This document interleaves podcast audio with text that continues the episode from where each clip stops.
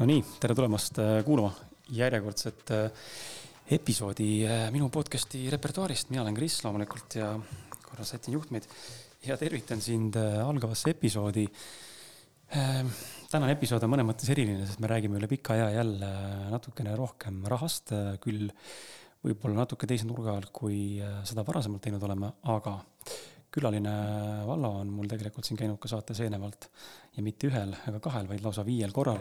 nii et äh, kui sa oled äh, varasem ja pikaajalisem kuulaja selle viieaastase teekonna jooksul, siis ilmselt oled tema eelnevaid mõtteid ja saateid kuulnud. kui sa ei ole ja oled juhuslikult äh, täiesti uus inimene tänasesse episoodi siia sisse tulemas, siis ma teen lihtsalt väikse meeldetuletuse, et episoodid äh, need pealkirjad, mille alt sa leiad üles äh, ka eelmised saated, on siis äh, hashtag äh, ehk episoodi number sada kolmkümmend üheksa, episood sada üheksakümmend kaks, episood sada üheksakümmend neli, episood sada üheksakümmend kuus ja episood kakssada kuus.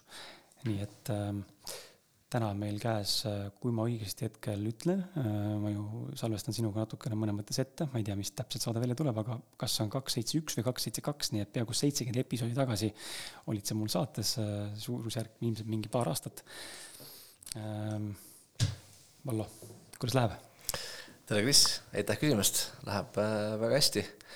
et aeg läheb kiiresti, et niisugune tunne, nagu oleks alles hiljuti näinud, aga mm, -hmm. aga tundub, et tõesti kaks aastat on mööda läinud ja ja eks siin on päris palju nii-öelda ise edasi liigutud ja, ja arendatud, nii et loodan, et saame täna jagada mõningaid mõtteid. see aeg läheb kiiresti. Ähm, ma tahan seda saadet alustada mõnes mõttes sellise ülestunnistuse ja, ja natukene endale piinlikkuse valmistamisega, samal ajal ma tegelikult loon kuulajale äh, potentsiaalse vundamendi või sellise stardipaugu tänase saate teemadesse ka sina saad siis natuke minu üle naerda, äh, kaasa tunda ja võib-olla anda nõu. Äh, kaks aastat möödas. Kui sa küsid mu käest täna, Kris, kuidas on su finantsiline olukord muutunud, siis mu vastus on sulle, et tead, väga ei ole, mhm. on ju. et väga ei ole, äh, ta on läinud paremaks ajaga, ehk siis mida pean silmas enda jaoks paremaks, igaüks defineerib erinevalt seda. Aga sissetulekud on natukene kasvanud, see platoo ei ole olnud mingi tohutu hüpe, eks ole, ta ei ole olnud äh, neljakohalisest numbrist viiekohalise numbri peale, aga ta on niisugune võib-olla tuhande, tuhande viiesaja võrra suurem, on ju. kuu jooksul me räägime arvetest, käibest, on ju. Ja mis ma nagu näen, et platoo on tõusnud, aga see hüpe ei ole olnud drastiline mm, -hmm. ma oleks nagu justkui oodanud nagu rohkem ja kujutan ette, paljud inimesed tegelikult ootavad elult ja oma võib-olla teekondadelt äh, mõne mõttes seda kiiremat edu noh, täna propageeritakse väga jõuliselt seda ainet, saad investeeri sinna ja täna saad rikkaks, alusta seda äri ja, ja kuu aja pärast teenid kümme tonni kuus, eks ole, või isegi rohkem. mis on obviously võimalik, aga üldiselt see väga äh, kõigil ei tööta. Ja nüüd teine pool on siis investeerimise pool on ju, et äh, millest sina nagu räägid äh, söögi alla, söögi peale on ju, mitte ainult sina, vaid ka teised inimesed ka. ja millest mina täna ka aru saan ja osaliselt olen ka osa võtnud investeeringutest, investeerimisest aga mitte nii suure mahul, kui ma tegelikult loodaksin või olen arvanud, et ma saan teha seda ja ma usun, et meie kuulajad on samuti inimesed, mõtlevad, et issand, et elu on nagu läinud edasi kaks aastat ja mis ma siis nagu finantsiliselt nagu saavutanud olen, et kurat, ei olegi nagu ühtegi senti investeerinud või kõrvale pannud uh. -huh. noh, kas pole võimalik, eks ole, majandus on meil tõusnud, on ju, hinnad kallinenud ja nii edasi, mis on mõnes väga loogiline, palgad ei tule hästi järgi, on ju, või inimeste käibed äkki ei kasva järgi. aga teisalt seal kindlasti on ka see pool, et ähm, noh, inimese enda mõtteviis ja, ja võib-olla suhtumine ja vastutuse võtmine ja otsuse kohta on ju, et ma nüüd ma tänasest teen nii ja ma panen selle kõrvale nui neljaks ja ma vaatan, kus ma hakkama saan selle mhm. piskuga mm, -hmm. aga ma teen selle sammu tuleviku nimel on ju, mhm. ja teen seda pikaajaliselt. et ähm, mis äh, on see, mis sina arvad, mis võiks olla see probleem, äh, probleemne koht, miks inimesed ei ole investeerinud, võib-olla miks mina ei ole näiteks väga palju saanud äh, investeeringutesse enda raha paigutada täna mm, ja kuidas seda Äh, kõige mõistlikum võib-olla lahendada oleks või sellele otsa nagu vaadata oleks, et ähm, kas seal on selline tuim enda mõnes mõttes ebamugavasse olukorda ajutiselt äh, pikema eesmärgi nimel panemine. Ähm, noh, siin ju Jaak Roosaare räägib ka sellest, on ju, viiekümne protsendi klubi on ju, ja nii edasi, mis kõik inimesed välja mõelnud süsteeme. aga reaalsus täna on see, et mõni kuu ei saagi panna, noh, tekib tunne vähemalt, et fuck, mul ei ole seda raha sinna kõrvale panna mm -hmm. või investeerida. või et isegi oleks, aga ma ei julge, on ju, sest ma võtan tegelikult väga suure summa ära enda igakuisest sissetulekust, igapäevaeludest. ootamatud kulutused tulevad ka juba juurde. et kuidas ma saan teha sellise lükke, kui ma panen ennast võib-olla selle kuu jooksul finantsiliselt väga keerulisse olukorda mm. -hmm. ma küll investeerisin, aga ajutiselt on väga raske. jah, et äh, mul tekib kaks mõtet sellest äh, jutust, et esiteks on see, et äh, ma olen varasemalt saates rääkisime ka sellest, et see on nagu protsess, see võtabki aega, see võtabki nagu pikalt aega ja sageli me nii-öelda tahame neid tulemusi saavutada ikkagi kiiremini ja ja seesama mõte ikkagi pädeb ka väga hästi, et me ikkagi ülehindame seda, mida me suudame teha ühe aastaga. aga me alahindame seda, mida me suudame teha kümne aastaga. et, et, et ilmselgelt äh, see, et sa juba seda teemat praegu küsid, näitab seda, et sa jätkuvalt otsid nagu vastuseid. nüüd äh, ma arvan, et see on kindlasti parem olukord kui need inimesed, kes äh, isegi ei küsi endalt, miks mul see olukord täna selline on. ja, ja ei otsi neid, ei ürita neid lahendusi leida. nii et ühtepidi võtta realistlikult, et see ongi nagu protsess, see võtabki pikemalt aega aga teistpidi ka see, et, et sul oleks olemas mingisugune kindel süsteem. et see, et, et ma saan aru, et ma pean raha kõrvale panema, on nagu üks mõte, eks ju. see, et mul on olemas täna igakuine süsteem, mis täpselt töötab ühtemoodi, on nagu see, mis teeb selle oluliselt nagu lihtsamaks ja kui see ongi niimoodi, et mõni kuu panen, kui ma saan, mõni kuu ei pane, siis see tegelikult ei ole nagu süsteem. süsteem on see, et sa panedki kindla protsendi kõrvale. nüüd küsimus ei ole selles protsendis, eks ju et äh, on tõesti siin räägitud viiekümne protsendi klubist ja nii edasi, aga ma ütleks nagu seda, et, et üheksakümmend, ma ei tea, viis protsenti inimestest on null protsendi klubis. ehk siis küsimus ei ole praegu viiekümnes protsendis, vaid küsimus selles, et üldse mingisugune summa kõrvale läheks. on see kas või üks protsent või on see viis protsenti ja seal nagu vahet ei ole, aga et see läheb iga kuu, sõltumata sellest, mis on nagu sissetulek. ja ei, ei tasugi nagu võib-olla võrrelda ennast nagu teistega või üritada mingisugusesse ma ei tea, X protsendi klubisse saada vaid lihtsalt see, et sul iga kuu sissetulek tuleb, sul on kohe liigutus, et ma ei saa teha ühtegi kulutust enne, kui me oleme seda raha nagu kõrvale tõstnud. ja, ja sellisel juhul see ei sõltu tegelikult sellest summa suurust, isegi kui see summa on, ma ei tea, viissada eurot või tuhat eurot, sa saad ikkagi selle ühe protsendi sealt kõrvale panna sa tegelikult leiad selle viisi, kuidas selle üheksakümne üheksa protsendiga hakkama saada. et, et ma ütleks, et, et kindlasti üks osa võib-olla sellest, no sa võid ise muidugi üle kinnitada, eks ju, aga et, et, et see tundub nagu sul ei oleks ikkagi nagu kindlat süsteemi igakuiselt mm, -hmm. vaid see ongi nagu juhuslik, see ongi nagu, nagu tunde järgi, et kui ma saan, siis ma panen, kui ma ei saa, siis ma ei pane. just, ja seal teine pool on vaata see ka, et äh, me elame täna nagu nii mürarikkas inform-, informatsiooni mürarikkas keskkonnas ja see mis meil siin nutitelefon esile toob, eks ole, ja me siin sinuga loome sisu juurde ja, ja seda sisu luuakse lihtsalt kogu aeg juurde ja igaühel on oma arvamus mingitest asjadest ja enda kogemus. see ajab hulluks, on ju, mõnes mõttes. et sina räägid ühte, kolmas räägib teist, mhm. onju, mina olen muu kogemus, onju. ja inimene, kes on võhik, noh, ka mina ütleme investeeringu puhul, mina olen täna peamiselt ainult krüptosse investeerinud mm, -hmm. tegelikult tahaks ka aktsiatesse investeerida mm, -hmm. aga ähm, mulle tundub see nii mõttetu ja ma ütlen sulle, miks ja ma arvan, et väga paljud inimesed on minuga nõus ja osad kindlasti praegu mõtlevad, issand jumal mees, mis juttu sa räägid, vaata mm. krüpto on tegelikult palju nagu keerulisem ja riskantsem. aga miks ta mõttetu tundub, ongi see, et kui inimesel on väike summa, mida ta saab tegelikult investeerida mm. -hmm. ja sa ütlesid ka tegelikult selle, selle võtmesõna ära, see on long game, me Just. paneme pikaajalise tulemusena, me ei räägi siin ühest aastast, me räägime kümnest, kahekümnest, kolmekümne, neljakümnest aastast.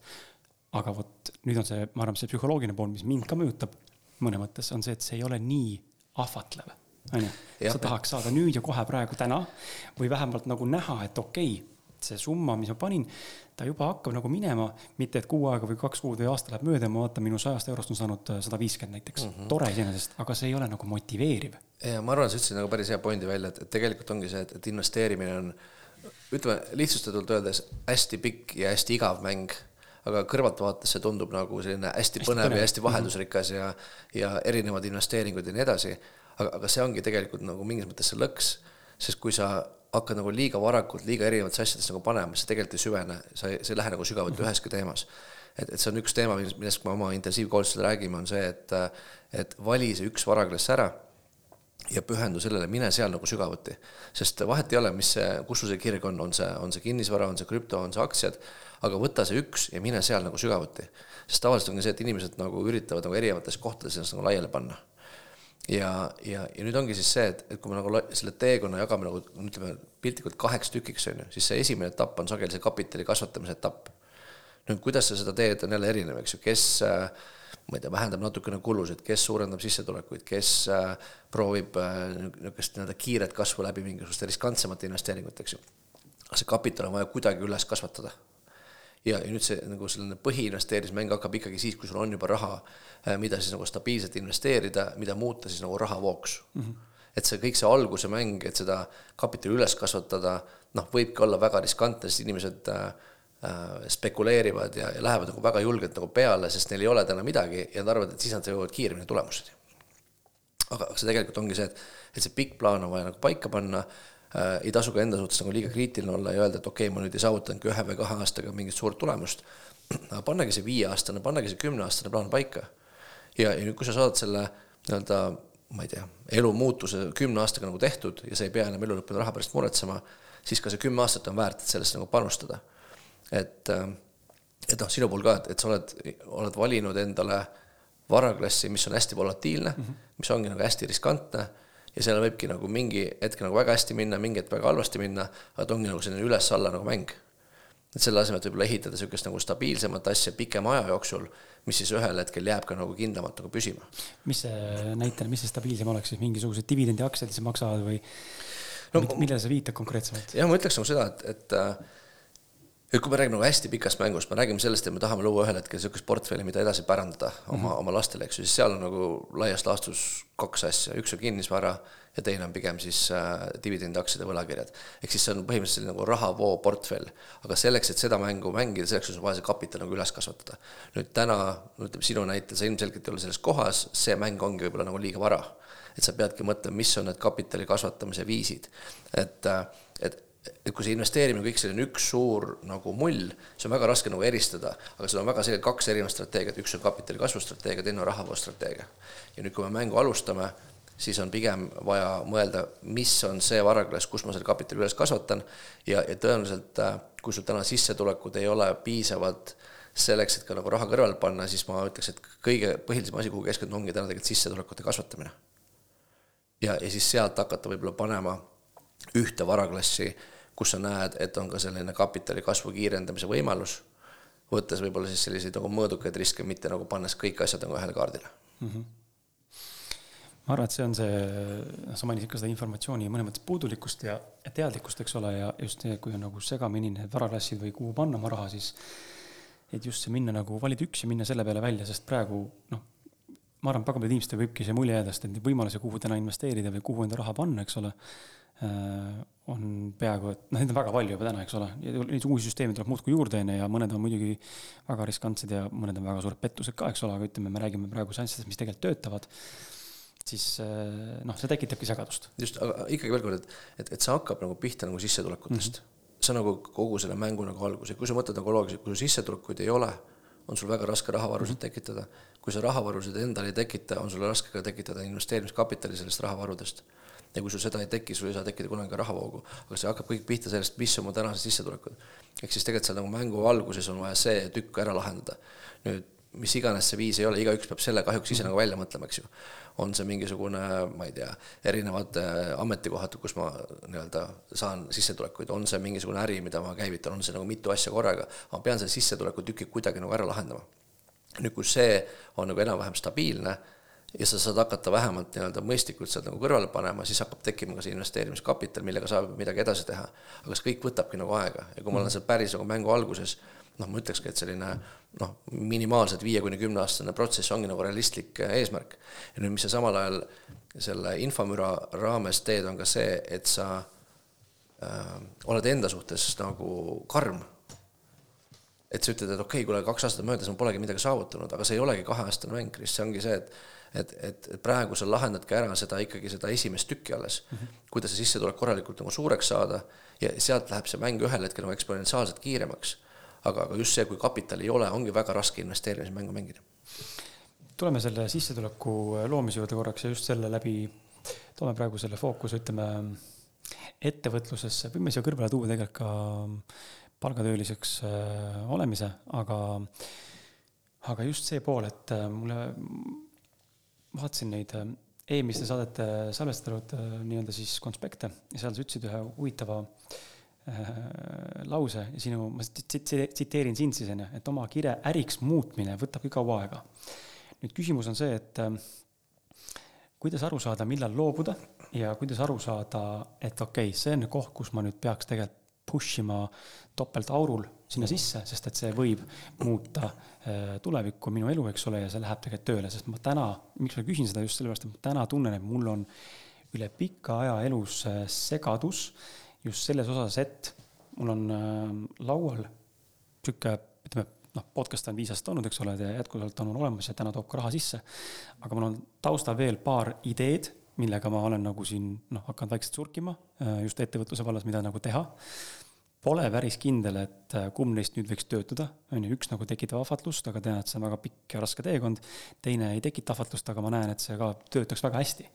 ehk siis nagu see passion või selline asi puudub, aga minu küsimus ongi see, et kuidas ma suudan lõpuks selle otsuse teha, et okei okay,, vot sinna tuleks nüüd panna ja sinna mitte, sest et sa ütled, see on long game, aga mm -hmm. võib-olla, võib-olla, võib-olla see on minu piiratud mõtlemine, aga ma täna tajun, et ma tahaksin näha, okei okay,, ma toon sulle näite mm -hmm., Enus Aastav, toon sulle näite, oletame, oletame, ma tahan osta midagi materiaalset, ütleme auto näiteks, nii, mul on unistust auto Porsche, ütleme, ma tahan Porsche't, nii, ma tean umbes, mis ta maksab järelikult ma täna tahaksin näha nagu selles mõttes, mõne mõttes sellist lollikindlat teekonda või luua endale, suuta siis luua endale see teekond, et kui ma täna teen seda kuus kuusse, siis ma näen, kuidas ma jõuan oma tegudega mõne mõttes ajaliselt kogu aeg sellele lähemale mm. -hmm. siis tekib motivatsioon ja usk, et see on päriselt võimalik, ja ma liigun ju lähemale sellele mm. -hmm. kui ma nüüd kiirendan oma tööd või noh, panen rohkem effort'it sisse, järelikult ma jõuan sinna võib-olla natukene kiiremini. kui ma teen vähem, siis see läheb veel rohkem tulevikku. aga kui mul nüüd ei ole seda vaadet või seda nii-öelda äh, kogemuslikku või sellist mm, kinnitust saavat kondikava või teekonda, kus ma näen ära, et okei okay,, kas ma liigun lähemale või ma olen nagu seisakus, siis tekibki see koht, et aga fuck, äkki see ei tööta mm. -hmm. no vaata, see ongi see, et see on üks põhjus, miks me tegelikult Starfishis tegime ka seda rahalise vabaduse teekonna kaardi, eks ju. et, et sul ongi nagu selline teekaart olemas ja saad aru, kus ma selle teekonna mõttes hetkel nagu asun ja, ja ma ei pea mõtlema selle nagu lõppsihtpunkti peale, ma ei pea ennast nii-öelda karistama selle eest, mul ei ole täna passiivset tulu, vaid ma mõtlema, okei okay,, mis on see lihtsalt üks järgmine samm, et jõuda järgmisse kurvi. et mul ei ole vaja nagu väga nii-öelda kaugele tegelikult seda plaani selles mõttes nagu teha, et, et need igapäevased tegevused viiksid lihtsalt nagu selle järgmise kurvini mm. -hmm eks kui me räägime, ma ei tea, on Tallinnast Tartusse, eks ju, ma ei pea nägema kogu Tartu teekonda, vaid ma pean nägema seda, et kus see järgmine kurv on, ma saaksin mm -hmm. sealt ära keerata ehk siis äh, ma arvan, et üks sellist segadust tekitav ongi see, et sul ei ole nagu seda, seda plaani või seda arusaama, kuhu see teekond üldse viib mm. -hmm. ja nüüd, kui see teekaart on olemas, sa saad hakata ennast ära kaardistama, saad panna siis selle sammu paika, avastadki, et okei okay,, et mul ongi praegu number üks teema on äh, rahavarude tekitamine. ehk siis ma keskendungi tegelikult nagu selle eesmärgi nagu saavutamise peale. ja küsimus oli see, et äh, kuidas siis nagu teha vahet, eks ju, et, et äh, et kui mul on nagu kirg ja mul on nagu äri, et number üks on see, et, et need on kaks väga erinevat asja. nüüd loomulikult sa ideaalses maailmas nagu üritad äh, äh, teha kirest oma äri, ehk siis täpselt ühendada need kaks asja kokku, aga see ei pruugi loomulikult alati nagu õnnestuda. nüüd sa peadki nagu jälgima, et, et kui ma seda kirge sinna nagu ärisse panen, et kuidas see siis nagu, mis need tulemused on, kas ma näen seda potentsiaali, et see liigub nagu õiges suunas nagu edasi et kui seal nagu üldse ei ole mingisugust nagu tulemust ja, ja ma ei tea, mitme aasta jooksul, noh siis võib-olla ma ei tea, mingitel juhtudel ei õnnestugi seda teha või see on nagu liiga keeruline, et seda nii-öelda aega sinna juurde panna. mida mina, mina, mina olen teinud, on see, et ma pigem olen ikkagi äh, no ütleme, minu kirg on olnud äh, nii-öelda finantshariduse edasiandmine inimestele. et ma usun seda, et see finantsvabadus on igaühe jaoks võimalik sul on vaja selget nagu plaani, sul on vaja võib-olla teistsugust nagu mentorit või, või keskkonda, kes sul toetaks seda, aga see on igaühe jaoks nagu võimalik mm. -hmm ja nüüd ja, ja nüüd aastaid neid asju tehes ma näen iga aasta, kuidas see kogukond kasvab, ma näen seda, et inimestel tekib edulugusid. ja see ongi tegelikult see indikaator, indikaator ja tagasisidesüsteem, et äh, mul tasub selle kire nagu ärisse panemisega jätkata. nüüd, kui ma oleks teinud seda, ma ei tea, kolm aastat ja, ja keegi, keegi ei ütle, et ta mingit kasu sellest sai, noh, siis tõenäoliselt on samasugune koht, et võib-olla sellest ei saagi nagu äri teha, võib-olla ma peaksin nagu mingi aeg midagi muud tegema ja, ja nüüd, mis, mis teeb selle nagu eriti keeruliseks, on see, et, et sageli on ka see finantssurve seal nagu taga mm. -hmm. et ma pean kire muutma äriks, aga samal ajal ma tahan sealt kohe ka raha saada. et noh, minu võib-olla eelis oli nagu see, et ma sain hakata kirest looma äri niimoodi, et ma ei pidanud sealt kohe raha saama mm. -hmm. ja see ongi see, et kui sa tahad mingit uut äri nagu ehitada, noh, siis sageli sul võtabki ikkagi nagu aastaid aega, siis sa pead panema pigem sinna aega, raha, energiat sisse, et see saaks kasvada, enne et hakata sealt nagu raha välja võtma nii et äh, noh, ma arvan, et ega seal muud ei ole, kui pigem selline sisemine tunnetus, eks ju, et kas, äh, kas see, mida ma teen ja see, millesse ma usun, kas see loob teistele piisavalt väärtust? Ja, ja kui see loob nagu väärtust, siis äh, julgeda seda nagu ühtepidi hinnastada. Ja, ja teistpidi siis kogu aeg nagu mõelda edasi, et et, et, et kaasata nagu veel rohkem inimesi sinna sellesse samasse missiooni või visiooni, et, et koos siis välja mõelda, sest see, kus me oleme täna Starfishiga jõudnud, jah, ma selle käivitasin aga ma ei ole kaugeltki seda kogu seda asja nagu välja mõelnud. selle teekonna jooksul on liitunud äh, kümneid inimesi, kes tegelikult igapäevaselt mõtlevad, kuidas seda väärtust veel rohkem luua, kuidas aidata veel kiiremini inimestel neid edulugusid mm -hmm. saavutamast, eks ju. ehk siis mõnes mõttes äh, ikkagi tahad tulla tagasi selle juurde, et äh, oluline on äh,, kui rääkida investeeringutest või rääkida äh, ettevõtlusest või, või selle rahalise puhvri tekitamisest, siis oluline tegelikult on ja mõnes mõttes on soovituslik võtta see lisastress ja, ja ärevus ja äh, see pinge endalt nii-öelda taustalt ära, on ju, et siis tekita endale kõrvale midagi, mis äh, suudab katta sinu äh, põhivajadused, noh, tore, kui midagi sealt annab ka sulle üle, on ju, aga siis kõrvalt oma kogu ressurssi ja effort paned siis sinna milles võiks see potentsiaal nagu olla, sest et kui sa tegeled ainult selle asjaga ja sul midagi muud ei ole, mida mina olen kogenud siin nüüd juba aastaid, eks ole, ja see on selles mõttes sööv, sest mul on kogu aeg see kuklas see, et fuck, ma ju, ma ju pean execute ima, ma pean ju perform ima, ma pean õnnestuma, sest muidu on nagu no see finantsstress kasvab ja see tegelikult nagu sööb sind teistpidi, et see ei lase võib-olla nagu tegutseda nii, nagu sa, sa tahaksid nagu tegutseda. Mm. -hmm nii et äh, jah, et see, et, et see raha teema on vaja nagu ära lahendada ja ma arvan, see, see maailm ei ole ka selles mõttes nagu must ja valge, et me ei saa öelda seda, et üks on nagu hea ja teine mm -hmm. nagu halb, eks ju, et mõnel on nagu väga radikaalne lähenemine, et okei okay,, et nüüd ühest päevast, eks ju, palgatöö on halb ja ettevõtlus on hea. see tegelikult ei ole niimoodi, kui sul tänane olukord, kus sul ei ole piisavalt sissetulekuid, siis sul on vaja nagu selle palgatöö kaudu seda sissetulekut tekitada endale ja, ja nüüd, kui sa sealt kõrvalt äh, võtad kas või siis mõned tunnid nädalas, et tegeleda siis selle tuleviku iseenda vara loomisega või ettevõtte kasvatamisega, siis nii ongi et, et sa peadki nagu võib-olla see periood siis äh, pingutama ja panustamagi rohkem, sest sul ei olegi nagu muud varianti. aga lihtsalt nüüd öelda seda, et okei okay,, ma tegelen oma kirega ja ma lihtsalt ootan, millal sealt see nagu äri tuleb ja see tulu, tulu tuleb ja samal ajal mul on igakuised kulud on kuklas, siis see ei ole ka nagu pikaajaliselt väga jätkusuutlik plaan mm, -hmm. sest see ei pruugi nagu õnnestuda mm. -hmm. loomulikult sa annad ennast parima, aga juhul, kui see nii ei lähe, sul peab olema mingisugune back-up plaan.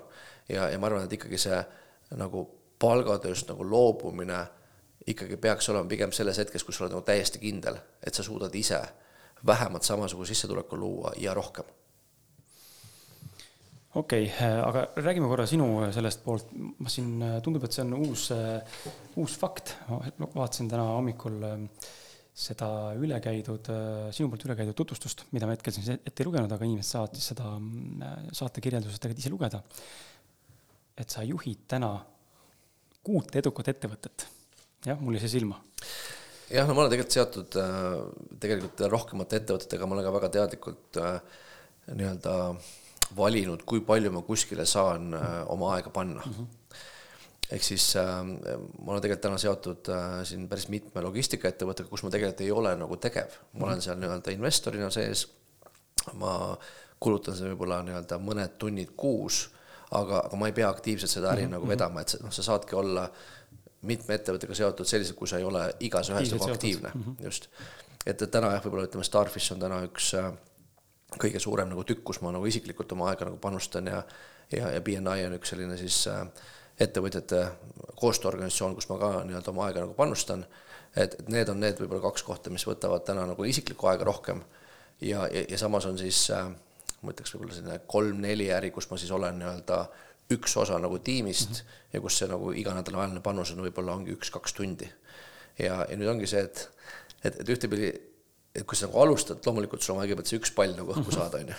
et täna on natuke see tunne, et noh, kuus palli justkui nagu sa pead õhku viskama, aga, aga igaüks on nagu nii-öelda mõõdukas koguses ja, ja kokkuvõttes ma pean vaatama, et see, see nädala ajakava siis nagu toimiks, et need kõik pallid õhus püsiksid seejuures ka omakorda veel tegelikult tegelema eraelu on ju, tasakaaluga, äh, suhetega on ju, perega ja, ja võib-olla mingid spordi, hobi, muude asjadega ja muude kohustustega on ju.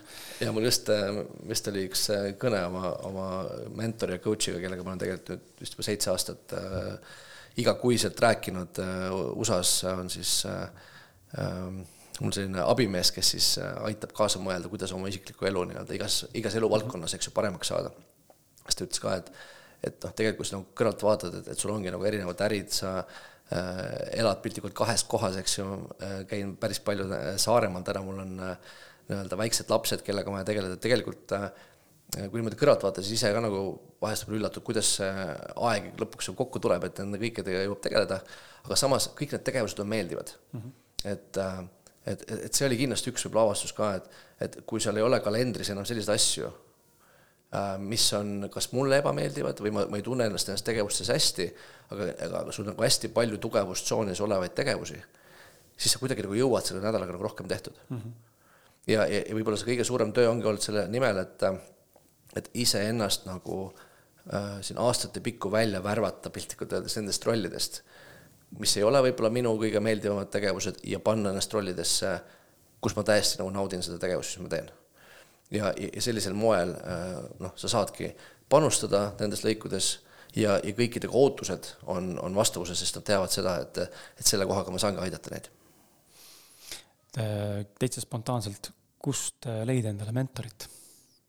Sest et see on koht, mis inimesed kindlasti mõtlevad, et eh, jube tore oleks ja ma ise, ise ka täna ühte ärisuunda vaatan praegu, mõtlengi, et jube kihvt oleks, kui keegi päriselt oleks mu kõrval, aitaks praegu esimest sammu nagu välja mõelda, sest et see on nii uus valdkond ja ma tunnen, ma isegi ei tea, kust nagu pihta hakata, vaata mm. -hmm. ja samas mul on coach, kelle juures ma käin, kellest on palju kasu teinekord, onju, kes aitab samuti mõelda ja näha nagu teisi nurkasid, aga aga, aga ei ole ka mul täna inimest, kellega niimoodi igapäevaselt või kellele saaks nagu toetada, noh, justkui nagu, ma ei tea, vanem vend, mentor, isa, eks ole, kus see inimene leida, sa ütlesid nagu USA-s, kus, kust leida see inimene endale või kuidas elu, kuidas sinu elu nüüd kokku toonud inimesed niimoodi?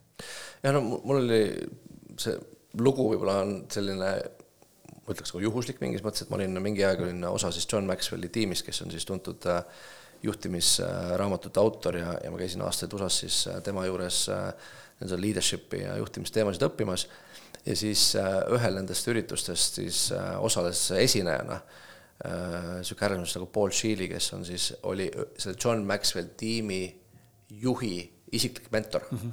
ja siis, kuna tal tekkis nagu võimalus minna ka tema ühele koolitusele ja, ja ta ühel hetkel siis kutsus nii-öelda oma keskkonda, siis ma mõtlesin, et noh, mis saab olla parim koht, kui õppida nagu kõige parema liidri mentorilt otse.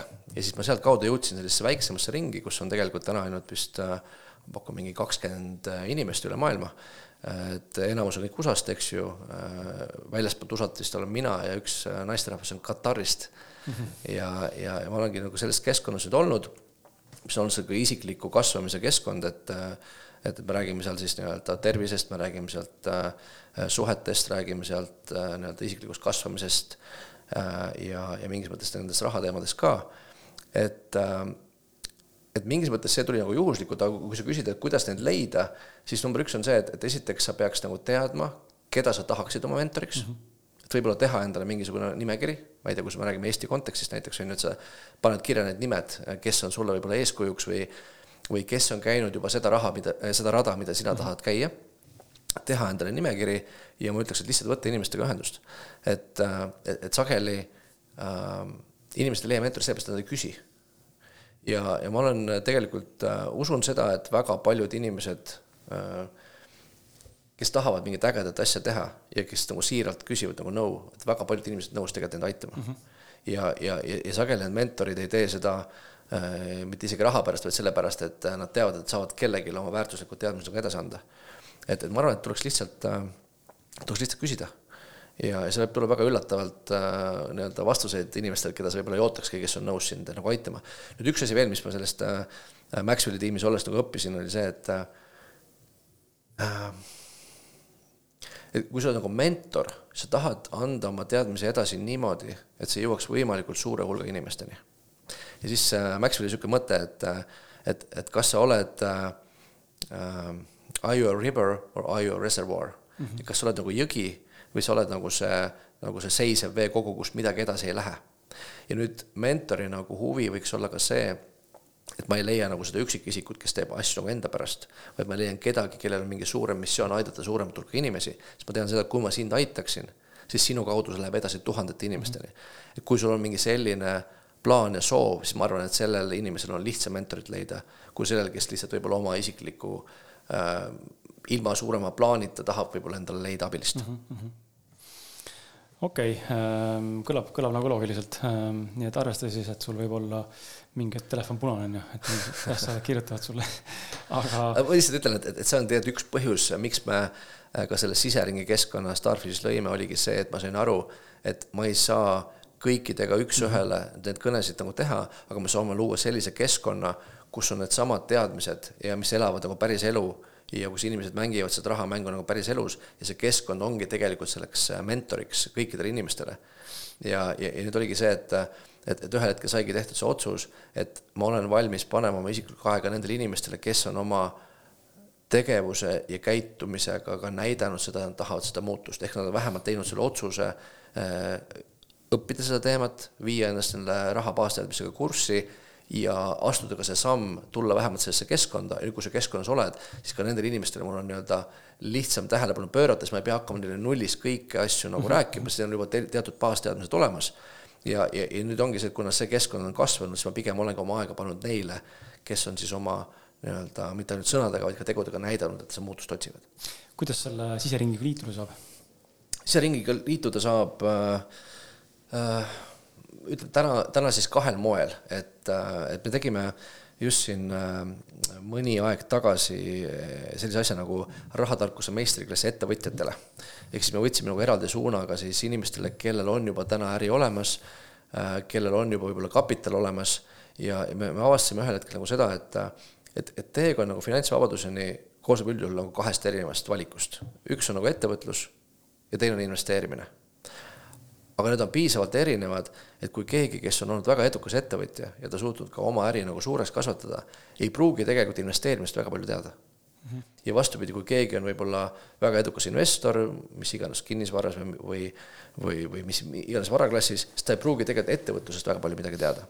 siis me saime aru, et me peame tegelikult panema ka fookuse nendele, kellel on juba täna kapital olemas ja, ja sealtkaudu meil siis tegelikult nüüd äh, tuleb ka nii-öelda selliseid ettevõtjaid juba äh, sinna keskkonda, kellel ongi tegelikult võimalused olemas, aga nad ei tea, kuidas seda nii-öelda portfelli endale ehitada.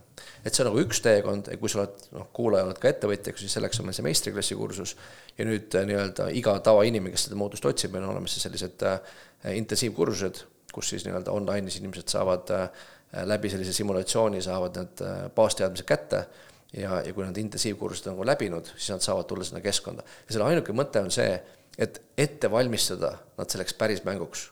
ja nüüd see keskkond on mõelnud, mõeldud siis ainult nendele, kes on täna valmis reaalselt juba neid samme hakkama astuma. ehk siis sa tahad seda rahamängu nagu päriselt mängida, ehk siis kursus lihtsalt valmistab sind ette ja see on siis see keskkond, kus on ju terve hulk inimesi, kes seda mängu igapäevaselt mängivad ja nüüd sa leiadki endale seal kaasinvestorid, sa leiad endale äh, nii-öelda koostööpartnerid või äripartnerid, kellega koos ühel hetkel midagi teha, kellel on samasugune huvi selles varaklassis, kus sul on meil on seal kinnisvaragrupp, meil on seal äh, ärigrupp, eks ju, seal on muud investeeringud, kus on aktsiad ja krüpto, et sa leiadki nagu endasugused inimesed, kes igapäevaselt seda mängu mängivad ja nüüd sul on nagu palju põnevam nagu sealtkaudu neid asju nagu õppida, äh, kui nii-öelda tulla mingi ühe inimese juurde, kes teaks justkui kõiki vastuseid uh. -huh. ja, ja see ongi see, et, et, et mis on seal äh, siseringis hakanud tööle, on täna selline asi nagu kollektiivne tarkus. ma võin vabalt nii-öelda äh,, ma olen täiesti kindel selles, et äh, see tarkus, mis on seal siseringis, on kokkuvõttes isegi suurem kui mul, sest mul ei ole kõikides valdkondades kogemusi. ja nüüd ongi siis see, et, et ühel hetkel need inimesed hakkavad õpetama inimesi ise. ja seal tekib nagu see võimenduse efekt, et sul ei ole vaja minna nagu ühe inimese juurde, kellel on piiratud kogus aega, et sealt nagu loota vastuseid saada, vaid sul ongi see keskkond, mis hakkab sind kandma ja sa ühel hetkel leiad siis ka need äripartnerid ja kaaslased, kellega koos seda mängu mängida mm -hmm..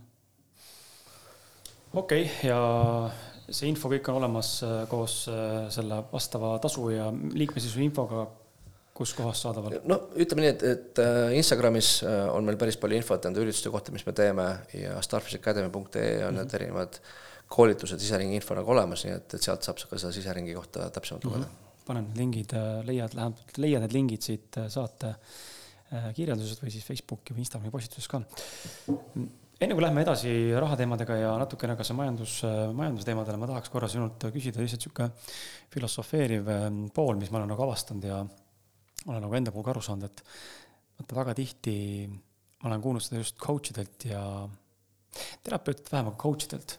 et äh, just, mis on seotud inimeste eesmärkidega ja ma räägin enda kogemusest ka, on ju, et näiteks ähm, põhjus, miks, ma ei tea ma ei ole täna rikas või mõni inimene ei ole täna hea tervise juures või mõni inimene pole head suhet või mis iganes on see nii-öelda probleem, mida inimene püüab lahendada siis enda elus, põhjus, miks ta ei ole, on küsimus, et ähm, see seisund, kus ma täna olen, et miks see mulle kasulik on on ju, just nagu negatiivses vaatevinklis.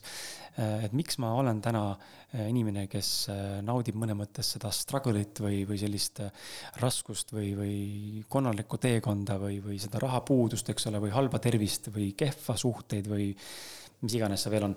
ja küsimus on sulle ka, kuidas sina, kui sa alustasid teekonda tol ajal siis, ma mäletan ka palgatöölisena, eks ole, ja, ja sul oli seal ka neid kohtasid, kus sa tegelikult vähendasid või noh, nii-öelda mitte vähendanud, kahandasid oma elutingimusi, eks ole, ja nii edasi, et tulla paremasse seisu endaga.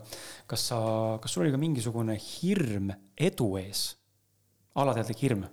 Mida sa tegelikult tol hetkel veel ei mõistnud, aga täna nüüd järelvaadatuna siis retrospekteerivalt suudad sa öelda, vaadata, et okei okay,, ma ei kartnud ainult seda, et ma kukun läbi või et raha saab otsa või pere sureb nälga või, või mis iganes, et pankrotti, vaid ma tegelikult kartsin edu, kartsin seda, et kui ma saan rikkaks, teised inimesed hakkavad mind vaatama teistmoodi.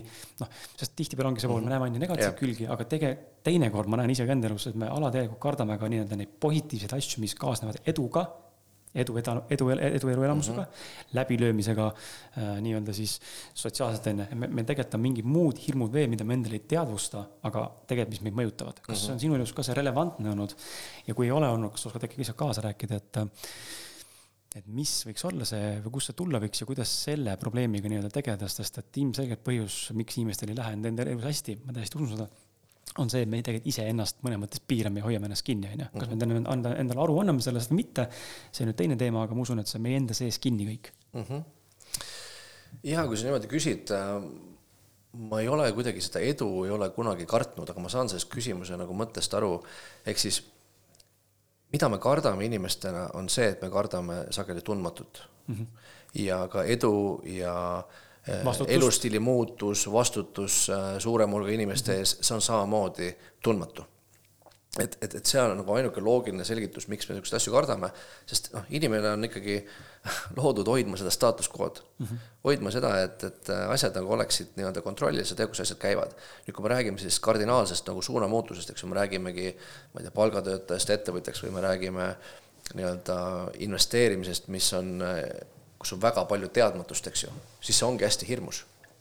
ja, ja ma arvan, et seal on nagu see, see, see võti nagu peidus, et äh, ma, ma kuidagi sellel hetkel, kui ma seda muutust nagu tegin, ma ei osanud nagu näha, ma, ma nägin neid võimalusi rohkem, kui ma nägin hirmu. ma sain aru, et, et jah, ma ei tea, kuhu ma lähen, see võib lõppeda erineval moel, aga ma pigem nagu uskusin, et mul on täna see teadmised juba olemas, et seda muutust ellu viia, mul lihtsalt vaja aega. ja selle põhjus oli selles, et, et enne kui ma selle otsuse tegin äh, palgatööst loobuda, ma olin siis põhimõtteliselt äh, äh, kolm aastat äh, tegelenud sellesama finantshariduse õppimisega mm. -hmm. et, et see, see tekkis niimoodi, et, et kui ma hakkasin seda teemat õppima, siis umbes aasta aega hiljem äh, küsiti mu käest, et äh, kuule, Vallo, et millal see palgatööst loobumise kuupäev sul on? ja siis ma panin selle aastase plaani nagu paika ja, ja kui ma kaks tuhat kaheksa hakkasin õppima, siis kaks tuhat kümme kevadel ma tulin palgatöölt ära. Ja see oli siis kaks aastat oli sellest hetkest, eks ju, kui ma hakkasin õppima. Ja kolm aastat läks siis selle hetkeni aega, kus ma sain asendada oma varasemad sissetulekud juba iseenda kontrolli all olevate tuludega. ja, ja selle otsuse tegemise tegi mul lihtsamaks kindlasti see, et ma sain täpselt aru, mida on vaja teha, aga ma lihtsalt ei olnud veel jõudnud neid asju nagu ellu viia. Ja mul oli olemas usk, et ma saan sellega hakkama et, et hästi palju on siin kindlasti ka see eneseusu küsimus, et kas sa usud, et see on minu jaoks võimalik. ja kui sa usud, et see sinu jaoks nagu võimalik, mida ma tegin, siis oligi see, et ma lihtsalt, äh, mul oli vaja seda ühte aastat veel, et need muutused nagu ellu viia. Ja, ja sealt sai nagu see inglise keeles see leap of faith, eks ju, ehk siis äh, sa nagu hüppad, hüppad lennukist alla usus, et sa jõuad nii-öelda tervena kohale ja, ja ma ei tea, kuidas seda nagu tekitada, kas seda, ma saan rääkida ainult oma kogemust, eks ju, ja, ja mul oli see, see usk oli nagu piisavalt tugev, et ma saan sellega hakkama ja, ja mul on vaja lihtsalt aega ja mis iganes see aega ei võta, ma leian selle viisi, kuidas nagu saab. aga, aga see, aga see hirm nagu selle nagu tundmatuse ees ei kao kunagi ära. ja, ja nüüd on see, et, et kui me liigume ka ühel hetkel kuskile järgmisele tasandile, siis seal tekivad uued hirmud nüüd on küsimus see, et kas see, see potentsiaal ja need võimalused kaaluvad üle selle hirmu, mhm. mis sellega kaasneb, sest mõlemad on alati nagu, nagu tekkinud, eks ju. et äh, jaa, see on huvitav. mis see, mis see praktiline harjutus võiks olla siis, et õppidagi mõnes mõttes nagu vaigistada siis enda äh, neid sundmõtteid või emotsionaalseid trigereid, et mul on teadmatuses hirm, eks ole, tundmatuses hirm, aga ma pean usaldama ja ma tegelikult ju tean, mida ma oskan, ma näen, mul on alati võimalik abi küsida, kuskilt küsida või mis see praktiline lähenemine oleks siis? ütleme nii, et, et, et selle, ütleme enda kogemuse näitel ma ütleks, et kõige rohkem aitab kaasa ettevalmistus mm. -hmm et, et sa ikkagi valmistad ette selleks muutuseks, mida sa hakkad nagu tegema. ehk siis äh, äh üks selline definitsioon, mida me ka oma koolituse lõpetame, on, mis asi on õnn. õnn on see, kui ettevalmistus ja võimalused ristuvad mm. -hmm. ja nüüd on siis see, et äh, enamus inimesi ei näe neid võimalusi igapäevaselt enda ümber, sest neil puudub vastav ettevalmistus, neil puudub, äh, on see siis rahatarkus, on see äh, suhetes, tervises, mis iganes teemal see ei ole. kui sa seda ei ole õppinud, siis sa ei näe neid võimalusi, mis sul ümber nagu on. ehk siis, kui sa võtadki mingisuguse aja, et äh, see kuidagi endale nagu lahti mõtestada, selgeks teha, milline see teekond üldse välja näeb, kus ma siin teekonnal täna asun, panna selline realistlik plaan nagu paika, siis ma arvan, et see võtab nagu päris palju nagu hirme maha ja võtab ka selle surve maha, et ma pean nagu kiiresti õnnestuma mm. -hmm.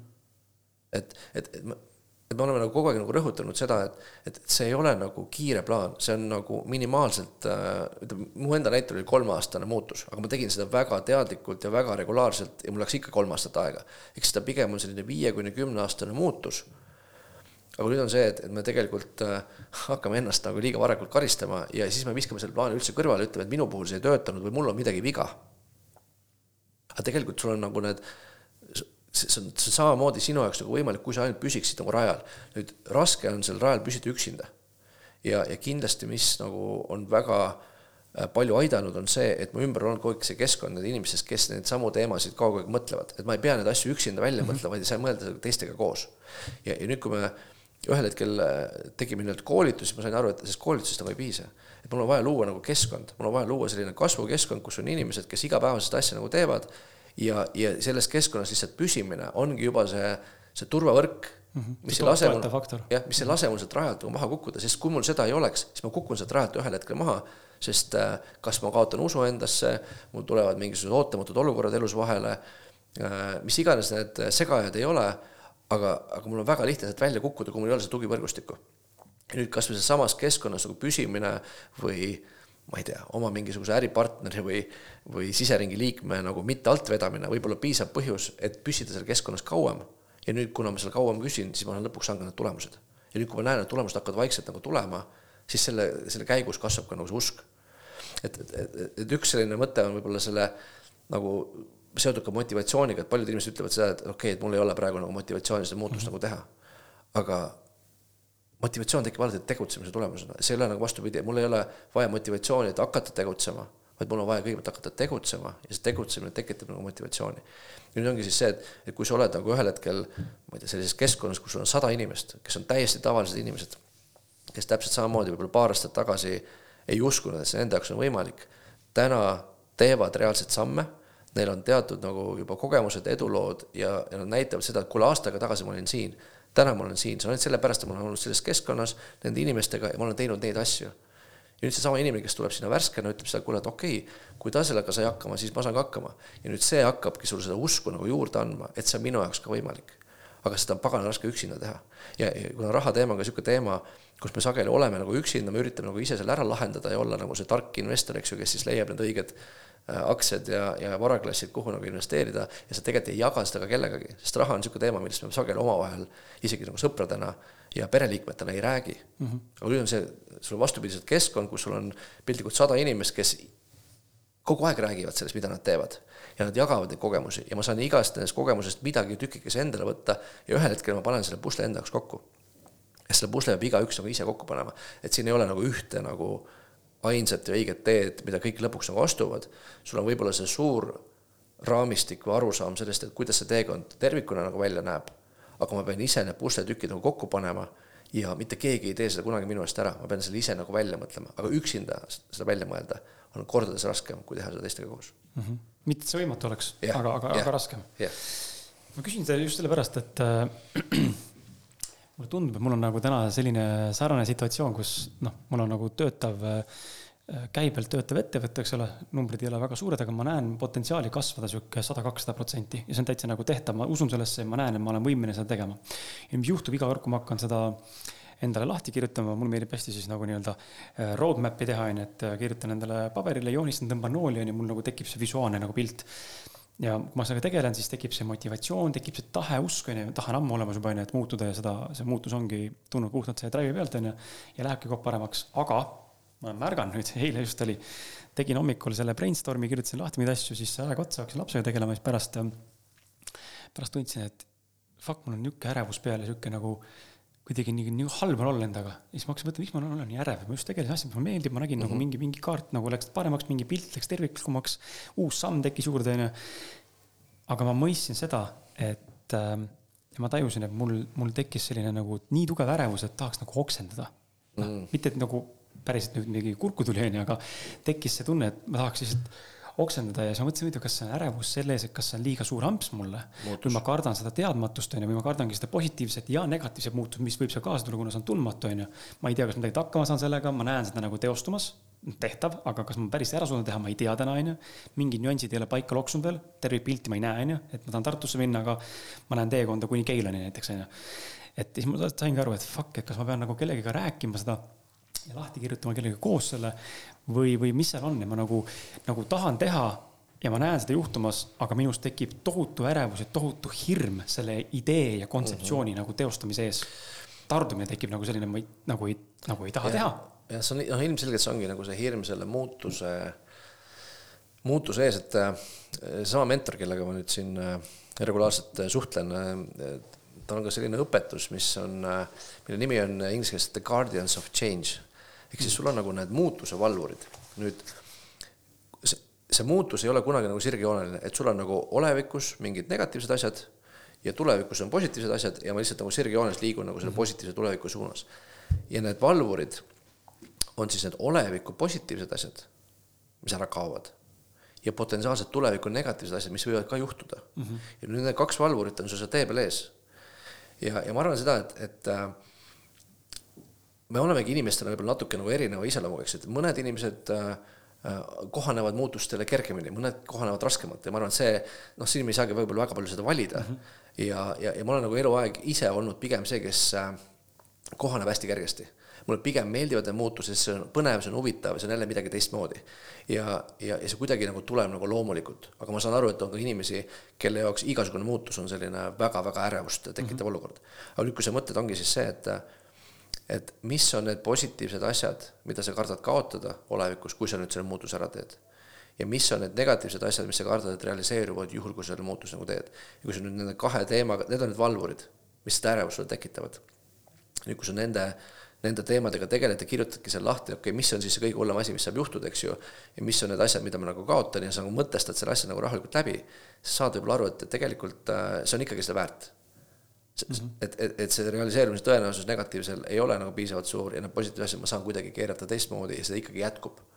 et, et see on, ma arvan, üks võib-olla selline mõtteviis, mis ma arvan, et võiks sind äh, nagu selles aidata mm. -hmm. võib-olla tõesti äh,, võib-olla tõesti. okei okay, äh,. mulle, olen teinud väikse märksõna siia jälle sinu eelmistest äh, saadetest äh, ja me oleme natuke siin nüüd põgusalt rääkinud ka, mitte otseselt, aga nüüd võtaks ta korraks nagu target'ina otseselt ette. et äh, sa oled varasemalt öelnud, et rikkus ja vaesus ei alga ei ega lõpe pangakontol või sokisahtlis oleva summaga või siis investeeringuportfellis on ju. aga see algab tegelikult mõtteviisist ja suhtumisest ähm, vot nüüd on jälle see koht on ju, et ma tahaks nagu jubedalt anda inimestele seda praktilist poolt, et kuidas siis nagu leida üles see koht, et nagu sa ütlesid ka, me inimesed oleme väga erinevad. Mhm. -huh. mõtteviisilt, äh, kui suured me unistame, eks ole, mis on võimalik, mis ei ole võimalik, on ju.